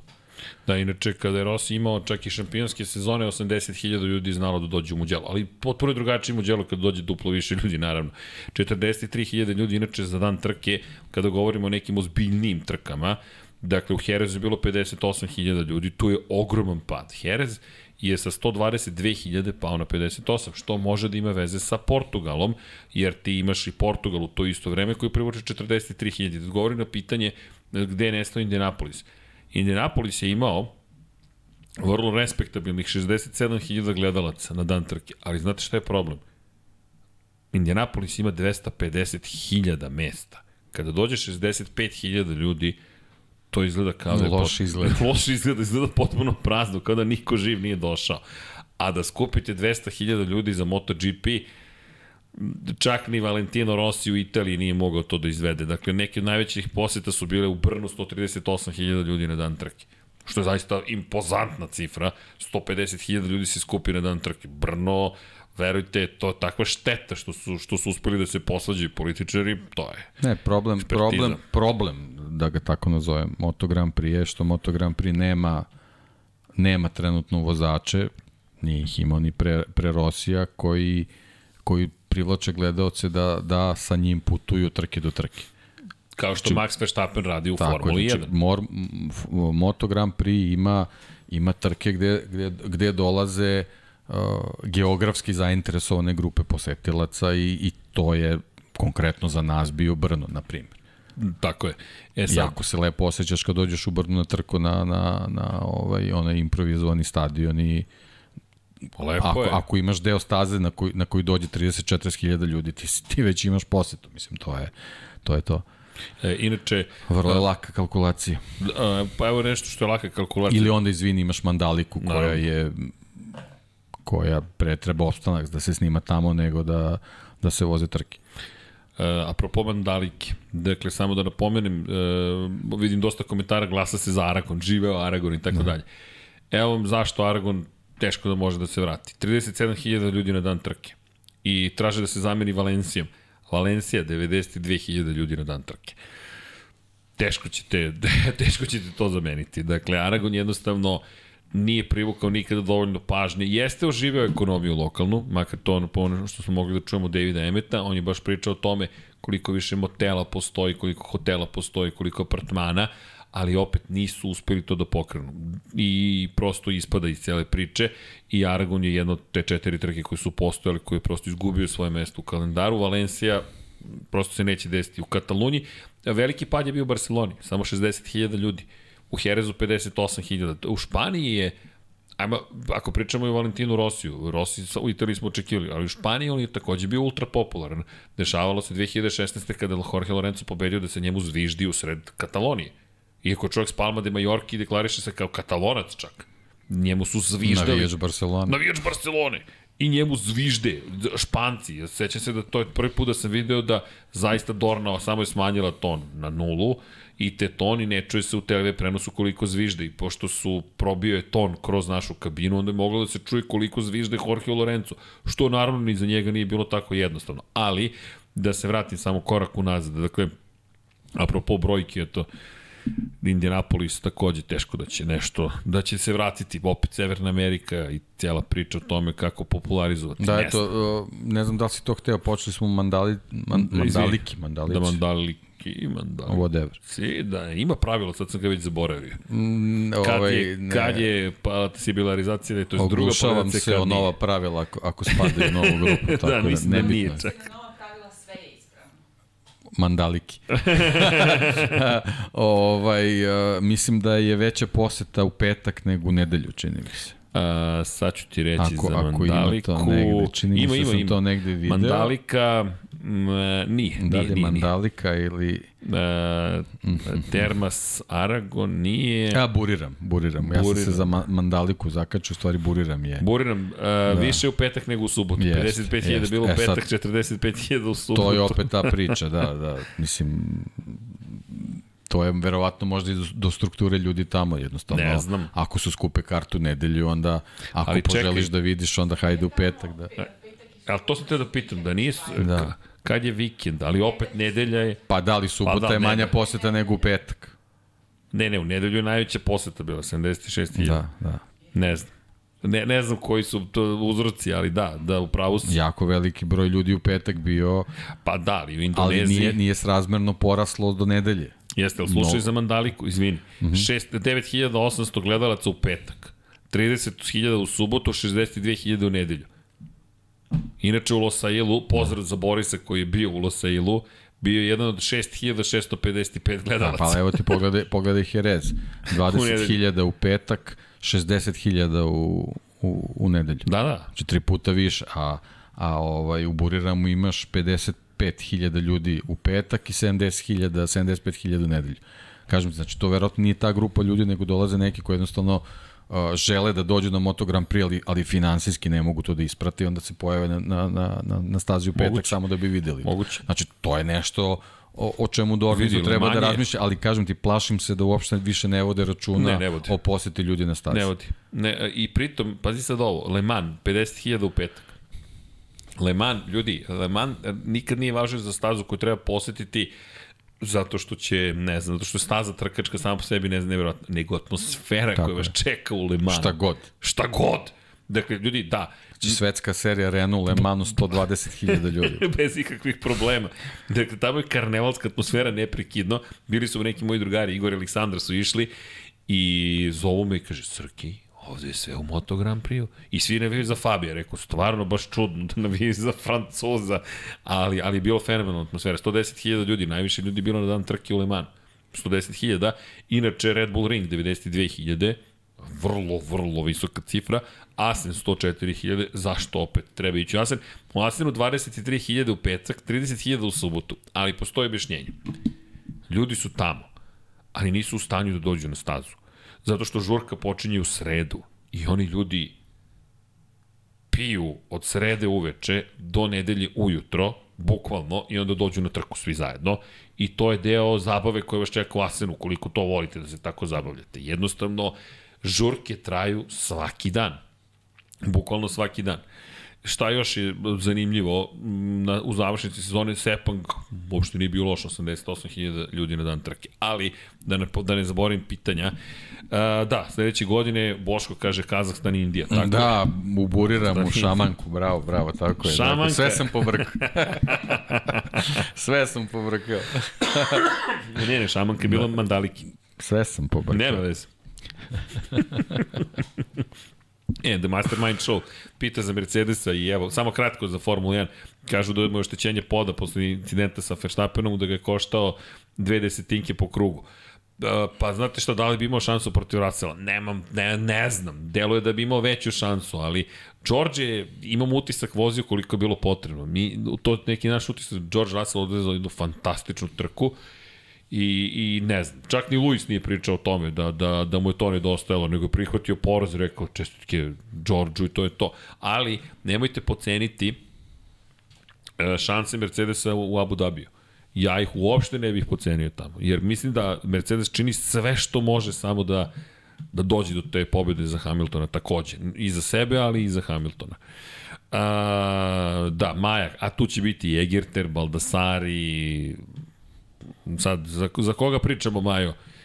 Uh, evo, da, sad, ne znam, sad, e, toliko toga smo spomenuli da, da, da, da sad ne znam šta smo, gde će sve biti uh, zapravo Egerter i Balda. Uh, oni bi trebalo u Supersportu da budu. Ako se ja ne var... Ne! Čekajte, sad, sam, sad ste me zbunili. Da vidim mm, ili Balda napreduje u Superbike. Kako beše? Ide Balda? Da, Balda ide u Superbike. Tako je, Majo. Balda, Balda ide u Superbike posle ove sezone, biće debitant u Superbajku. Znam da mi je negde ta vest ostala u glavi, ali Domi takođe Uf, kako će biti Superbike sledeće godine. Deki, da pršti na sve strane, ali dobro. I Baldasari ko živa svoju karijeru, takođe, da ne zaboravimo i taj moment. Hvala, Majo. Da, da Valenciju drže samo zbog neke tradicije kao stava Valencija, pa nije, nije, drže zbog, zbog gledanosti. I verujte, kada odete u Valenciju, to je, nije pitanje tradicije, to je pitanje zaista jednog uh, kompletnog doživljaja. koji imate u Valenciji. To je novembar, Španija je, zatvara se dakle u Španiji, grad je predivan, ako vas posluži vreme, verujte, boljeg, me, boljeg mesta gotovo da nema. Toliko lep grad, pun kulture, sporta, umetnosti, zabave, hrane, trkanja, svega. To je jedan produženi vikend. Veliki broj ljudi u Valenciji ostane do srede čak. Mi smo videli ogroman broj navijača Moto Grand Prix. Prijatno sam se iznenadio, mislio sam da će u ponedljak utorak najkasnije. Ne, u sredu na aerodromu gledate ljudi koji su očigledno u Moto Grand Prix nošnji i završili su svoju posjetu u Valenciji. Tako da mislim da, da, da, da, da to neće tako ispasti. Uh, Alen Jesenović, hvala, hvala za podršku. Da, kaže Srke, ako ti nekog deliš po nacionalnosti, to ima smisla kao komentar Srđana Đokovića, jer vidiš kao komentarisanje samo napred momci, hvala. Da, da, da, mi, mi, mi verujemo u, u ljubav. E, zavisi, e, ako je za mesto stana da imamo Bosch, slažemo se, ove diskusije neka, ja mislim da će Mir biti dobar na Hondi. Ne znamo, nadamo se. Ali deluje da, da će moći. Čekaj, tu pobeže mi, još što se sve desilo. Uh, kaže, ja mislim da će Mir biti odličan na Honda Micro Ice, prizivam to već dve godine. Evo ga ostvarenje sna. Ali uzmite obzir to, to je Repsol Honda, to je ozbiljna fabrika, to je ozbiljan vozač, dve tituli šampiona sveta. Bosko koji se žala, zalaže za penziju Espelete, neće se skoro desiti. Uh, da vidimo... Marko Munjić, na koga mislite da ode umesto Zarka? A, Janone, može li Janone da se vrati u Moto Grand Prix?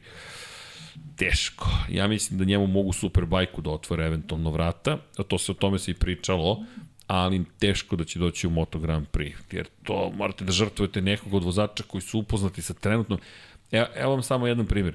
Janore bi sada morao da ovlada kompletnom tehnikom vožnje motora gde se spušta zadnji kraj, prednji kraj, aerodinamika drugačije funkcioniše, bitke su drugačije.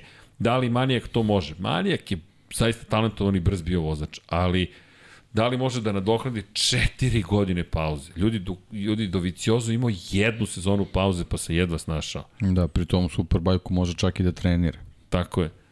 Tako je, tako da pre mislim da će se to desiti. Uh, Što nije loša opcija, mislim, nemojte nije, da, nemojte da procenjujete Superbike. Ne, ne, ne, ne, ne, da. to bi bilo super. Da, I zamislite njega na Apriliju Superbajku, na primjer. To ne bi bilo loše. Ja mislim da ne bi bilo loše. Ima tamo zanimljivih momenta. Ali dobro. E, Stefan Zarević, koja je po vama najbolja sinergija vozača i motora ikada? Meni su na šampionski godine Rosije na Hondi, taj motor je bio kao pega na asfaltu, radio Rosije šta je hteo. Pa nije daleko, to je znate kako, možda čak ta 2003. da je to bilo Da, da, onako, stvarno je, stvarno je delovalo lako. Lako. Pa ne, i, e, i u knjizi on piše, jeste, piše jeste. čak i Alex Briggs govori, kako je bilo lako dok nismo otišli u Yamahu. To je bukvalno izjava mehaničara glavnog Valentina Rosija da su se da, igrali Da, građanje trke je stvarno delovalo jednostavno. Bukvalno. Da, sve, sve delovalo kao egzekucija koja je već onako samo treba da se desi. Pa da, da, evo ovako sad na prvu loptu, da, to je to. E, bukvalno. To je onaj čuveni oproštaj uz Šarnoliku Repsol Hondu. Meni je fascinantno... Sa, sa Duonom i Hondom je sve delovalo lako, ali da. mislim da to ipak nije baš nije toliko bilo baš lako. lako, da. Dudan Možda je tu radio. izgledalo, ali... Da. Ne, ne, ali mislim da je to najbolja sinergija, jer, jer tu nije se postavljalo pitanje ni jednog momenta ko će biti šampion. I meni je fascinantna ta Honda koliko je uska. Ljudi, ta V5 Honda, meni je, kad je uživo vidite, prosto mi je neverovatno da je to Moto Grand Prix motocikl, to je ovako uzak jedan motocikl, gde, gde je stalo pet cilindara uopšte za početak i onda shvatite da, to je Da, moguće da je to i najkompletniji motocikl koji je ikad napravljen, čak možda i kompletniji od GP21, to jest GP21 možda je zapravo taj V5 toliko lako izgledao da zaboravljamo koliko je bio suštinski fascinantan motocikl. Ali da, ta V5 Honda RC211V, slažem se s tim što bih baš rekao 2003.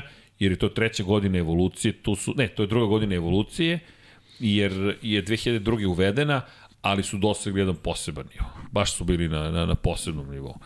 E, Toprak u, u GP 2024. Viktor Karakolev pita, ne, ne vidim to. Znate kako, on je rekao ja hoću fabričku Yamahu. Sad jedino ukoliko nekim čudom Franco Morbidelli, koliko god bio pa loš, da, ali nekako, otkaz. sad da me neko pogrešno ne shvati, poente, ne poente, nego jednostavno trenutak je sad ili nikad. Jer već sledeća sezona, ako bude uh, ozbiljnija borba u Superbajku i, i taj, taj ovaj, ta fascinacija s njim možda može malo, malo da splasne. On je sad marketinški u dobroj poziciji da, da, da zauzme tu mesto, ali on je sam rekao, znači fabrička ekipa ili ništa. Tako da eventualno, mislim, ne, ne znam, ako zaista sad ta neka katastrofa sa, sa Frankom, ako se nastavi, ako ne digne ruke na pola sezone, pa da li, ali teško je da, da njega onda zameniš vozačem koji nema iskustva u Moto Grand Prix u tom trenutku, tako da ne znam, baš je, baš je sad, sad već je. nezgodna, nezgodan trenutak već postaje, a mislim, generalno mi je žao što, što ne, nije dobio priliku čisto da vidimo šta bi mogo, šta bi mogo da uradi, da li bi to stvarno bila neka, nek, nastavak te neke fascinacije, ne, ne znam, zaista. Šteta. Evo, šalju ovde u penziju Espeletu, a Mata kaže 2076. Srđan Ercik i dalje komentariše Moto Grand Prix. Ako sa 100 godina budem komentarisao ljudi, onda je medicina ozbiljno napredovala. Ili će da bude trka... Čekaj, ko će da vozi još uvek? Simone Corsi se vratio. Alvaro Bautista. Simone Alvaro Corsi Bautista. izlazi Vratio iz se Grand poslednje krivine. I ima kikice i dalje. Sumnjam, ali hvala. E, Da, Srki komentariše, kaže mu Đela Rabijata 12, a Džanki vlasnik tima u GP klasi. to će biti najopuštenija ekipa na svih vremena i nadam se da to može da se desi. E, kaže Mata i neko od nas, Bože zdravlje, bude mehaničar ili inženjer unutar ekipa. Može, Mato. Da, inače Boris Tutin u Kataru se za vreme trke Moto2 i Moto3 šetaš po tribinama. Da, Legneš na tribini i spavaš. Ovo, Mato, nema spavanja. Mo, a, morate da odete na trke ukoliko niste bili. Moto trojke, ne da vam ne daju da spavate, nego verujte, traže od vas da ste ozbiljno fokusirani šta se to događa. A, zašto ne bi išli u most kada se već ne ide u Brno? Pa most isto, da nije staza za, nije Moto Grand Prix staza, I ima tu par stvari. Um, kad kažem Moto Grand Prix, mislim da most nije, Brno je Grand Prix trk, staza, prava Grand Prix staza, ali to mi je sada pitanje politike, to sada je van ruku toga da imate, znate kako to ide? Kao kada se nešto vrti u, u, u danas smo baš nešto časkali u 2020. Da su stali šampionati te godine. Pitanje je da li bi se ikada više pokrenuli. To uopšte nije šala. Jer kada se nešto kotrlja, pa čak i kada se uspori, ono se i dalje kotrlja. Kada nešto stane, kao što je stalo organizovanje trka u, u Brnu, teško je to pokrenuti. Zato treba poštovati kada nešto funkcioniše u životu ili se ima u životu, čak i ako posrne ili popusti ili, ili nije na nivou na kojem je bilo. Treba sagledati i vidjeti da li to može nekako da funkcioniše. Ovde, iz moje perspektive se Bičlu, klasičan političara, je došao do izražaja, posuđali su se na nekom regionalnom državnom nivou i to je bilo to. Ko će da plati renoviranje staze? Ne znam, ko će da plati? Niko. Ok, nema šampionata. Jel vam zaista se isplatilo da nemate posetu od 100.000 ljudi gradu Brnu, koji je studentski grad, koji u sred jula ili avgusta dobije influx popularni gledalaca sa svih mogućih prostora. I koji jedu, piju, Pa, spavaju. Procena neki 10 miliona evra se slije. 10 miliona evra. Zašto? Zato što niste hteli jednu sezonu da kažete, ajde budemo čak i na nuli. Tako je. Čak i na nuli da budemo jednu sezonu. Sve ostale smo u plusu. Ne. Ok, sad niko nije u plusu. E, ovde je pitanje po futbolu. Pozdrav najboljem podcastu, šta mislite? Hvala, Matej Banović. da li ima ikakve šanse da MV Augusto Moto2 razvije bolji motocikl i bude konkurent na Kalexu? Navijamo. O, to je to. Da. Znate koliko bismo mi to voleli. Ako MV Augusta to odluči, Ili ti KTM Da. da. koji je novi suvlasnik dobro, u da, MV okej. Augusti. MV Augusta, da. E sad, odlično je pitanje. Da.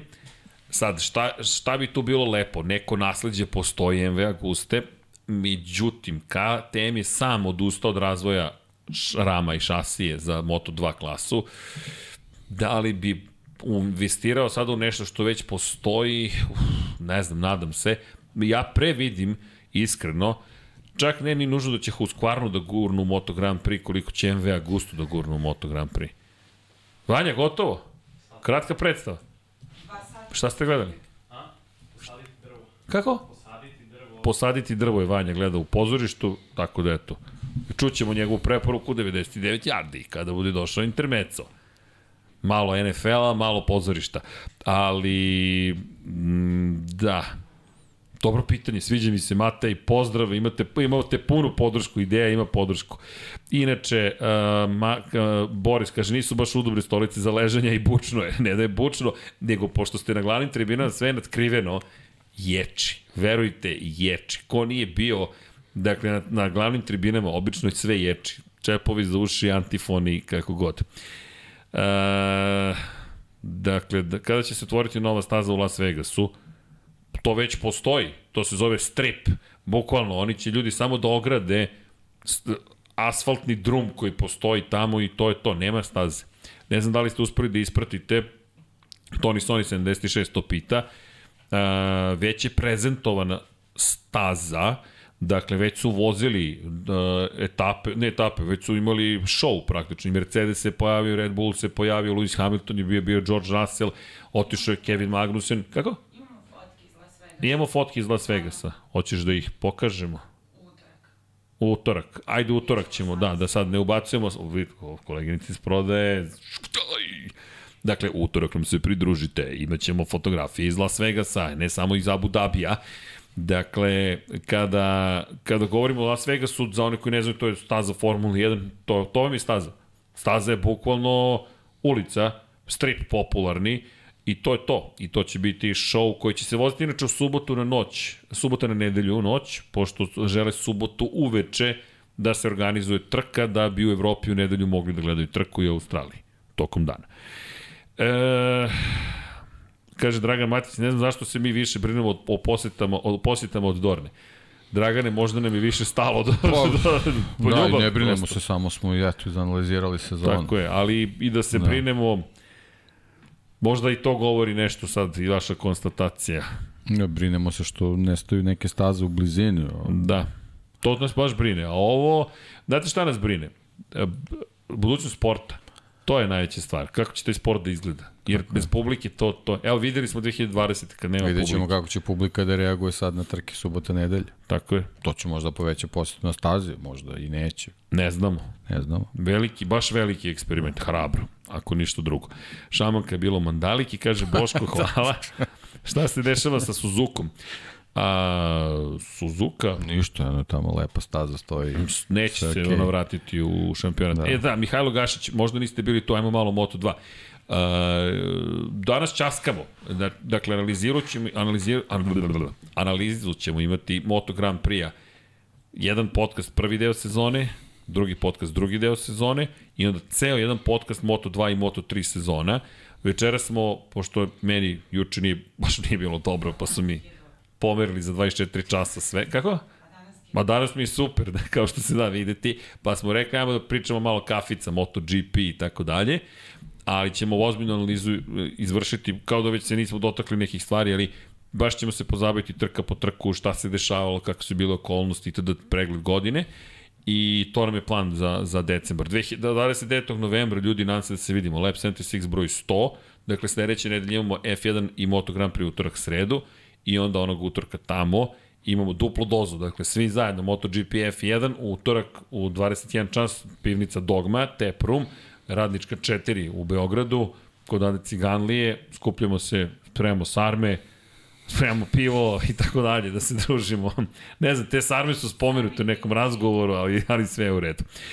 Um, da, da, da, šta se dešava sa Suzukom? Nažalost, neće vratiti, verujte. Dakle, ne, jedino da ne promene nešto na stazi da bude bezbednije za motocikliste, ali do tada je sigurno, nažalost, nećemo videti. Prosto pogibija Dajđira Kata pre sada 20, uskoro 20 godina je dovela do toga da bude sklonjena iz šampionata.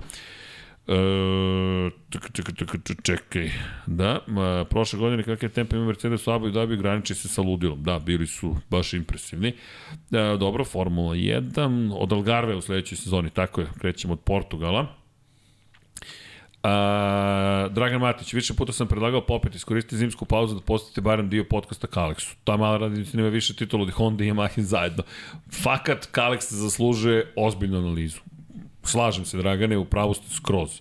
Pokušat ćemo da stupimo i sa nekim u kontakt iz Kaleksa da popričamo s tim ljudima.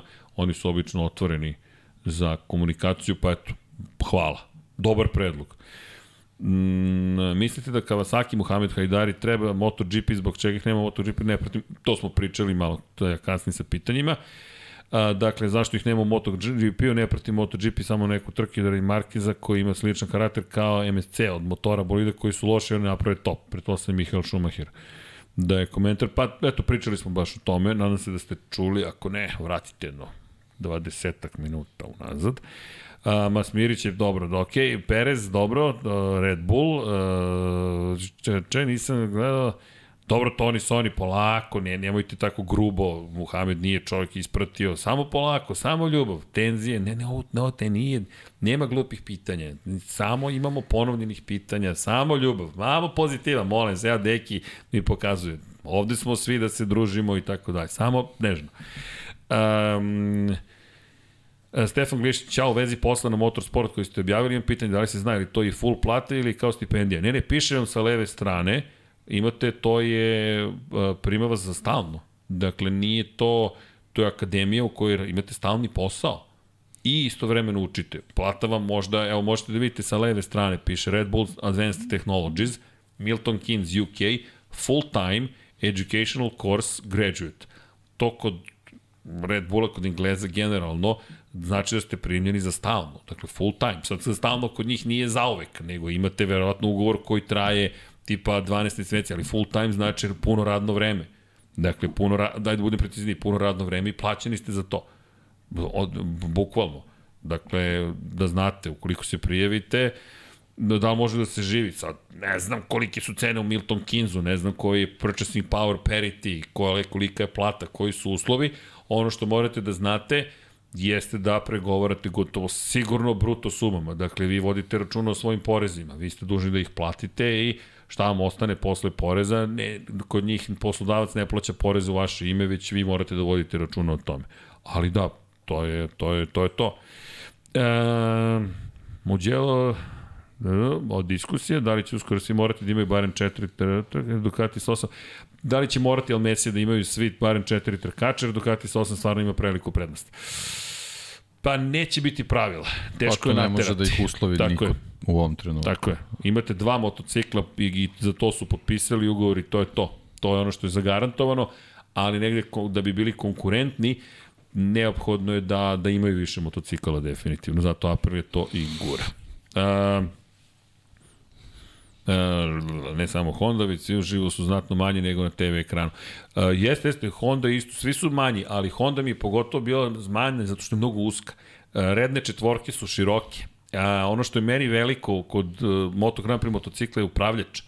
Jer upravljač nije kao na erkama nego je ogroman, imate korman kao da ste seli na motocross koji ste neko nabo ovako, bukvalno na Moto Grand Prix mašinu. Pa ne, vidi se ova kamera s kacige, vidi se Vidi se ko, širok, tako je, koji je hvat. Jer to se sećam druga naš Đole, kada je prvi put bio na Moto Grand Prix-u, koji vozi motore, kaže, Srki, šta je ovo, ko Jelena da su uhvatili za rogove, otprilike lako se drže i zato je taj oplata toliko široka, jer minimalna pomeranja su neophodna, jer na, na, o tome vodite računa, ali mene i dalje, verujte mi, ako odete, imao sam privilegiju, ajde, čast i zadovoljstvo da vidim tu RC 211 cuve iz 2003.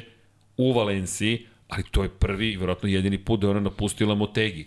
Hondin muzej u Motegiju, ako ikad odete u Motegi, ljudi stanite pred taj motocikl, verujte mi, to je to ništa uže nisam vidio, to, to je ljudi ovako, mali jedan motocikl, bukvalno.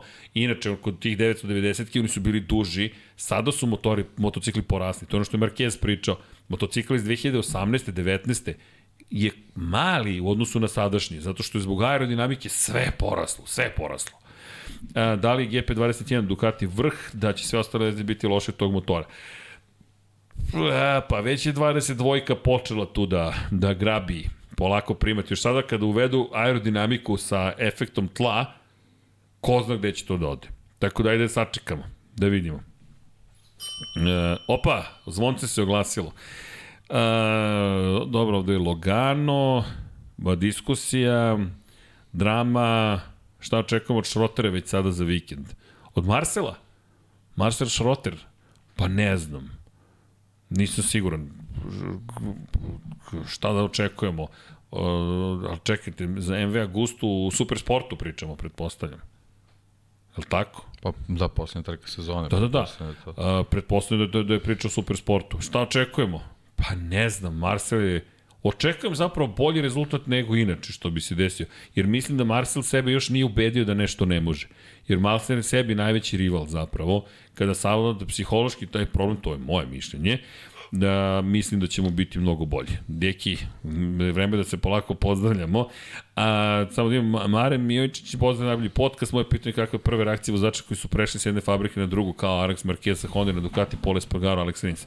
Pa za Aleksa Markeza čovjek je oduševljen bio. Dakle, veći osmeh na licu mu nisam video davno, baš je bio srećan. Što se tiče Pola Espargara, Pola Espargaro nije smeo da izgovori reč Da, kao ni John Mir. Honda, nije smeo da izgovori reč Gas Gas, nije smeo da izgovori reč KTM, tako da, ali je imao osmeh na licu i izgledao je mnogo bolje. I John, John Mir Mir je sve izbegao, da, pošto da. on je još pod nekim Pod ugovorom ugovorima. sa. Da, da.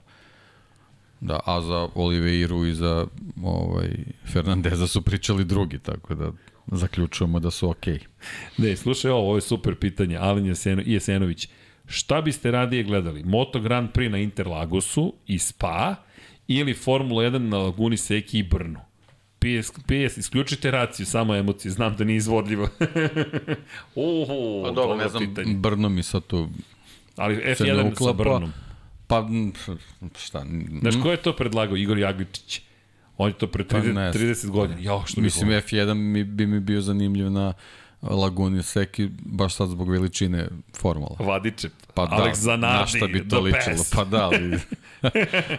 polomili bi se na Da, pola. mislim da bi se polomili. Ali zbog toga mi je bilo zanimljivo. Ovaj, Da, čekaj, Brno uđe. A šta smo, uh, Moto Grand Prix, Levo pa dole. Interlagos levo. ili i Spa? I, i, i Spa. Pa Interlagos mi bi I meni isto interesantno, Interlagos. Da, da. Zato što je ko karting staza u odnosu na Spa. Spa je baš dugačka. Spa se i vozila nekad. Pa da, ali ima, ali ima ozbiljne delove. Ovaj, mislim, Ima. tebi je onaj Blanche pravac Simon. malte neko oval. Znam, znam, ali zamisli Blanche Simon na motociklu. Da, pa dobro, Pa, mo, voze. mo, vozili su. Voze. voze, voze Da, samo. da. Ne, ne, potražite od 500 kubika trke na, na Spa. To je, to je šašavo. Ajde da ali tako Interlagos mi je interesantan skroz. Da, Interlagos, pogotovo što ti kažeš kao oval, jer Da, ti da. ulaziš u poslednju krivinu i on je, to je nekad bio oval, zapravo Interlagos je imao Tako je. oval, on se nastavljao tamo, umesto da spustite se dole levo u skrivine Senine, vi ste išli gore pa ste se spuštali dole na je to krivina del Sol četvrta, tako nešto. Ali da, to, to je, to je, to dobro pitanje, hvala odlično pitanje. E, Nikola kaže, ili ima šanse Suzuki da pokloni motor Miru ili, ili Rinsu? Mislim da ne. Teško. Teško, zaista teško. Imaš pitanje kada ćeš u 99 yardi. Šta si ono bio rekao? Kad Tigrići pobede. Kada ti igriće osvoje titulu, a? Kada Cincinnati Bengalsi dođu na vrh sveta. A, Tigrić kaže ne. da. E, ljudi, vreme je da se polako, ali sigurno pozdravljamo, ne zamerite, ali ovde se neki smeju, pošto, pošto da. Slede emisije. Slede emisija i ne samo to, dobio sam, imam dozvolu dva i po sata. Nije, lažem, imao sam dozvolu dva sata, već sam prekašio. Ali dobro, to je sve. Da, i kad smo kod doktora, da to spomenemo samo za Da. kraj, klinika mobile više neće biti uz Moto Grand Prix. Nažalost, da. Eto, još jedna stvar se prekida, tako da baš nova era počinje. Da, baš, baš počinje nova era. Na sve strane nekako. Ajde da vidimo. I nisu baš najsrećniji vozači zbog toga. Mislim, ja, Pa dobro, mislim da su više tužni nego pa to su realnost koji je, već kaže, od, od, poznaješ. kad, od kad doktor Kosta nije tu, to nije ta priča. Nije, nije. Tako da, ovaj, ali dobro, eto, trajalo je Dr. 45 Costa. godina bukvalno je trajalo, tako da, Sid Watkins, da, da, MotoGP. tako je. Tako Jer je. Sid Watkins je bio taj, taj doktor. Da. Ko, to, je, to je čovjek koji je zajedno sa tim, tom grupom vozača, pa i Jackie, sa Jackie Stewartom postavljao nove standarde bezbednosti u Formuli 1. E, to je bio doktor Costa u Moto Grand Prix. Da. Sada moram priznati da Angel Charte ne, iz te perspektive. Ne znam ko će se to, ne, ne znam, baš me zanima kako će to sve na kraju da bude. Ali dobro, mi imat ćemo s kim da pričamo za Ali dve inače, nedelje. klinika Mobil je osnovana 1976. godine. Ah, pa naravno, zato je bilo toliko dobro. Ajde, da, što je tada titulu osvojio ko? Da, da, mislim, nastavak priče, sam, to, to, je, to je jako važno, nastavlja saradnju sa Superbajkom, tako da klinika mobil ostaje tu. Samo ih da. neće biti uz Moto Grand Prix, što Nije, je da. još jedna vrednost Superbajku. Da, Superbike polako kupi tako. Ljude, da, da, da. stvari, Nećete vi, pa mi ćemo. Mi ćemo, nema problema. Ali interesantno i Superbike pod Ornom, nije to... Jeste. Nije to daleko od toga, ali očigledno su možda neki drugi ljudi tamo zato što ovi glavni možda nisu toliko zainteresovani za to. Jeste, ali ono što mene zanima jeste zapravo brojke koje će nam dati kada reč o gledalcima. Jer hoću da vidim koliko ljudi je na stazi u Superbajku. Jer to će biti veoma značajno poređenje. Da to ćemo znamo, sledeće godine da pratimo. E, to je zanimljivo. Znaš, videti šta se zapravo tu desilo i koliko smo mi tu ljudi imali koji su došli da gledaju nešto i jer poslednje što smo dobili je, je, je bila priča iz Argentine otprilike. Koliko ljudi u Argentini došlo da gleda Superbike. U Argentini 78.000 ljudi bilo na dan trke. Not too bad. Nije tako loše. Dakle, mi govorimo o nekim sada već brojkama koje bez navodno mega giga zvezda privlače taj broj ljudi. Sad ćemo recimo da vidimo ako, ako dođemo negde do, do podataka vezanih za o, Philip Island, sad je rešena sezona, pa eto, baš da vidimo da, da li tu ima neke veze sa dramatikom ili, ili sa, sa popularnošću. Ba, zaista me zanima cela sezona. Baš me zanima cela sezona, da vidimo gde smo bili u celoj priči, znaš, i šta se zapravo događalo u kom trenutku i na kraju dana koliko ljudi bilo na dan trkanja. Jer tu mislim da još uvek, ali ajde, idemo jedno po jedno da tu još uvek ima posla za Superbike, ali grabe ozbiljnim koracima napred. Ok, e, Deki. Pušti muziku. Da, porako, puštam muziku. E sad, e, da, ja, da, da, ja ću da se izvinim možda, u stvari ne. Možda ću malo sporije da čitam, ali mislim da je red da pročitamo i u ovim uslovima, ako sam mogu da pričam. Mislim da to muzika za start. Ali dobro, to je sve u redu, koleginice. Da mi pročitamo imena i prezimena naših dragih pokrovitelja. Inače, e, kaže Alex Rins najjači, preporuka za knjigu Rossi 40. Danke Seb, tako je, Danke Seb. Poslednja trka Sebastijana Fetela. I pozdrav za Nikolu Niksija. Nikola ne zameri što večeras neću pročitati pesmu, ali ko bude sledeće nedelje sa nama u Moto Grand Prix podcastu, ne brinite, pročitaću pesmu koju nam je napisao Nikola Niksi, pošto je pesma fenomenalna i mislim da zaista zaslužuje posebnu pažnju. Dakle, Hvala još jednom, ja se nadam da ste se zabavili, da ste uživali. Udrite like ukoliko vam se dopalo, ukoliko ste sa nama, nije vam se dopalo, hvala što nas pratite i slušate svakako. Ukoliko možete udarite subscribe, moramo da se oprostimo, Deki kaže na ovaj način, dobro Deki. Ako ti kaže, može Deki nešto da kaže na sekund, da izvršimo to ti kažem. Samo kratko da, da izvršimo Samo promjenu. Samo kratko da se vratimo u boje Suzuki-a. E, spreman sam za čitanje. Okej. Okay. Muzika nije. Nema veze, može sad veze. i bez muzike. Može sad i bez muzike, bez, veze. pre, presedan, kako to, si to lepo to. rekao. Elem, Uz pozdrave Suzuki-u, ali ne brinite, pričat ćemo mi još o Suzuki u decembru, pogotovo sledeće nedelje Inače, šta je sledeće nedelje? Sledeće nedelje nam nije Oaksley, je li mogu? Ne, nije. Za dve nedelje nam je Oaksley. Sledeće nedelje, šta smo rekli sledeće nedelje? Nemam pojme šta smo rekli, ćemo svakako biti tu. Možemo i da vozimo, jao, znaš šta neki možemo da uradimo? Šta misliš da, ali da ću naučiti da se trkam do sledeće nedelje? Da se trkamo. Hmm? Muk. Muk. e, ili da pozovemo publiku da, da se, se trka. Trkamo? U MotoGP-u 22.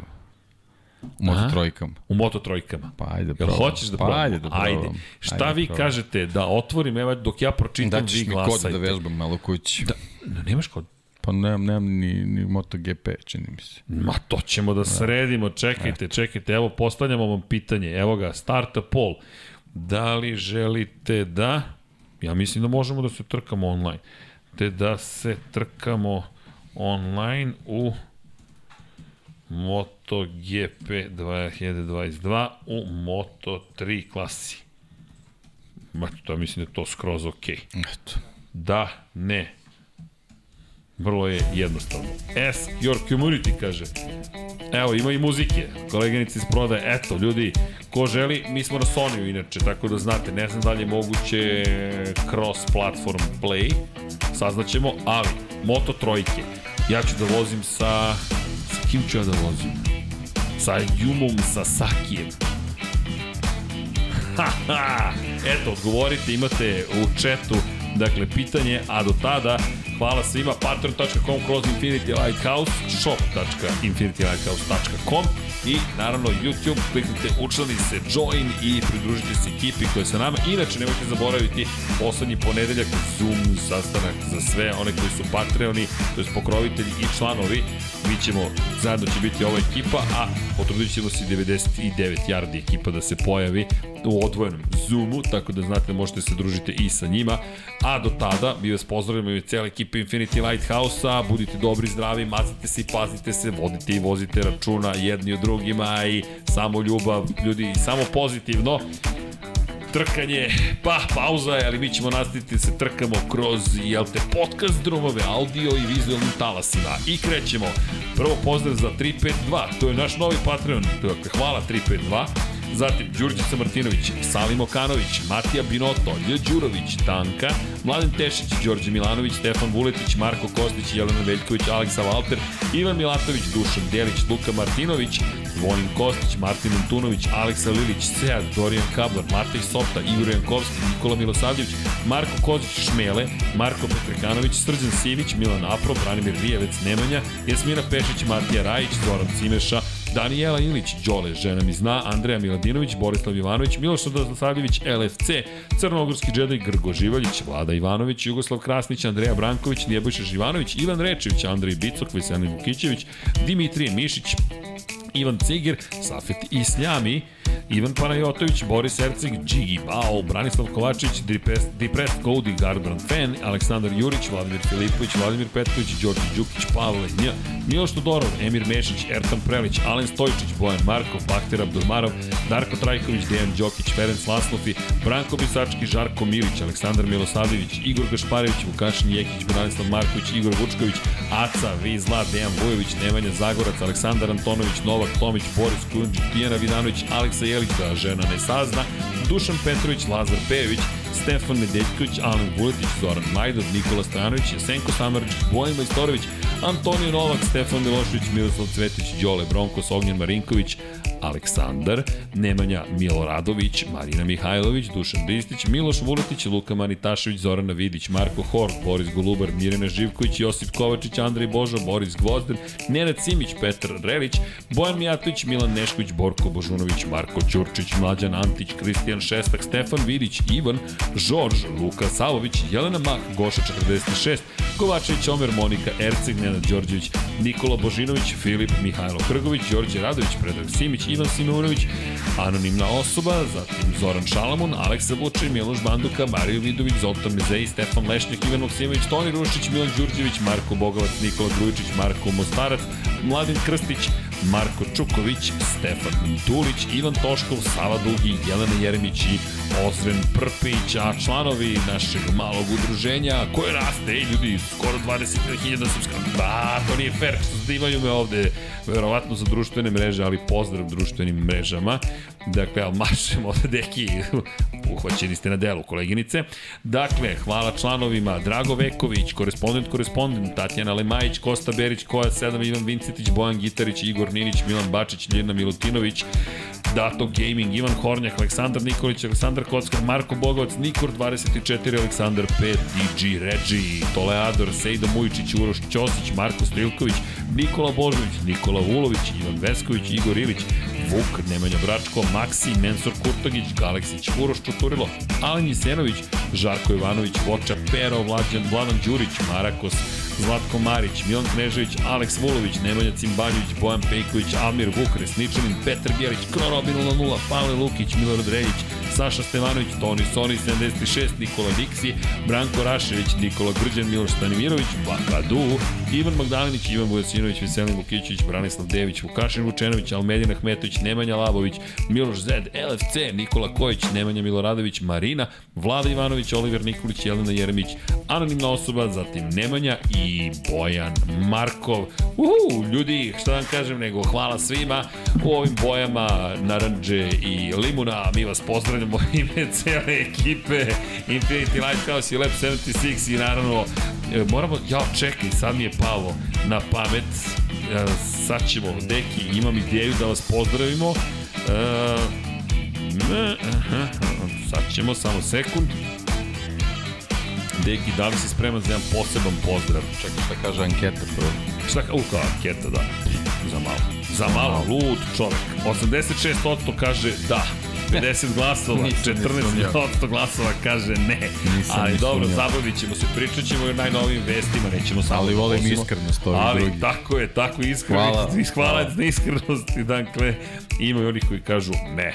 Ali dobro, u svakom slučaju... Decidirano. Decidirano.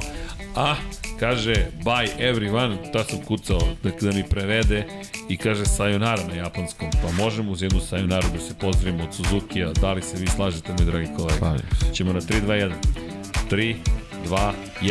Sayonara. Sayonara.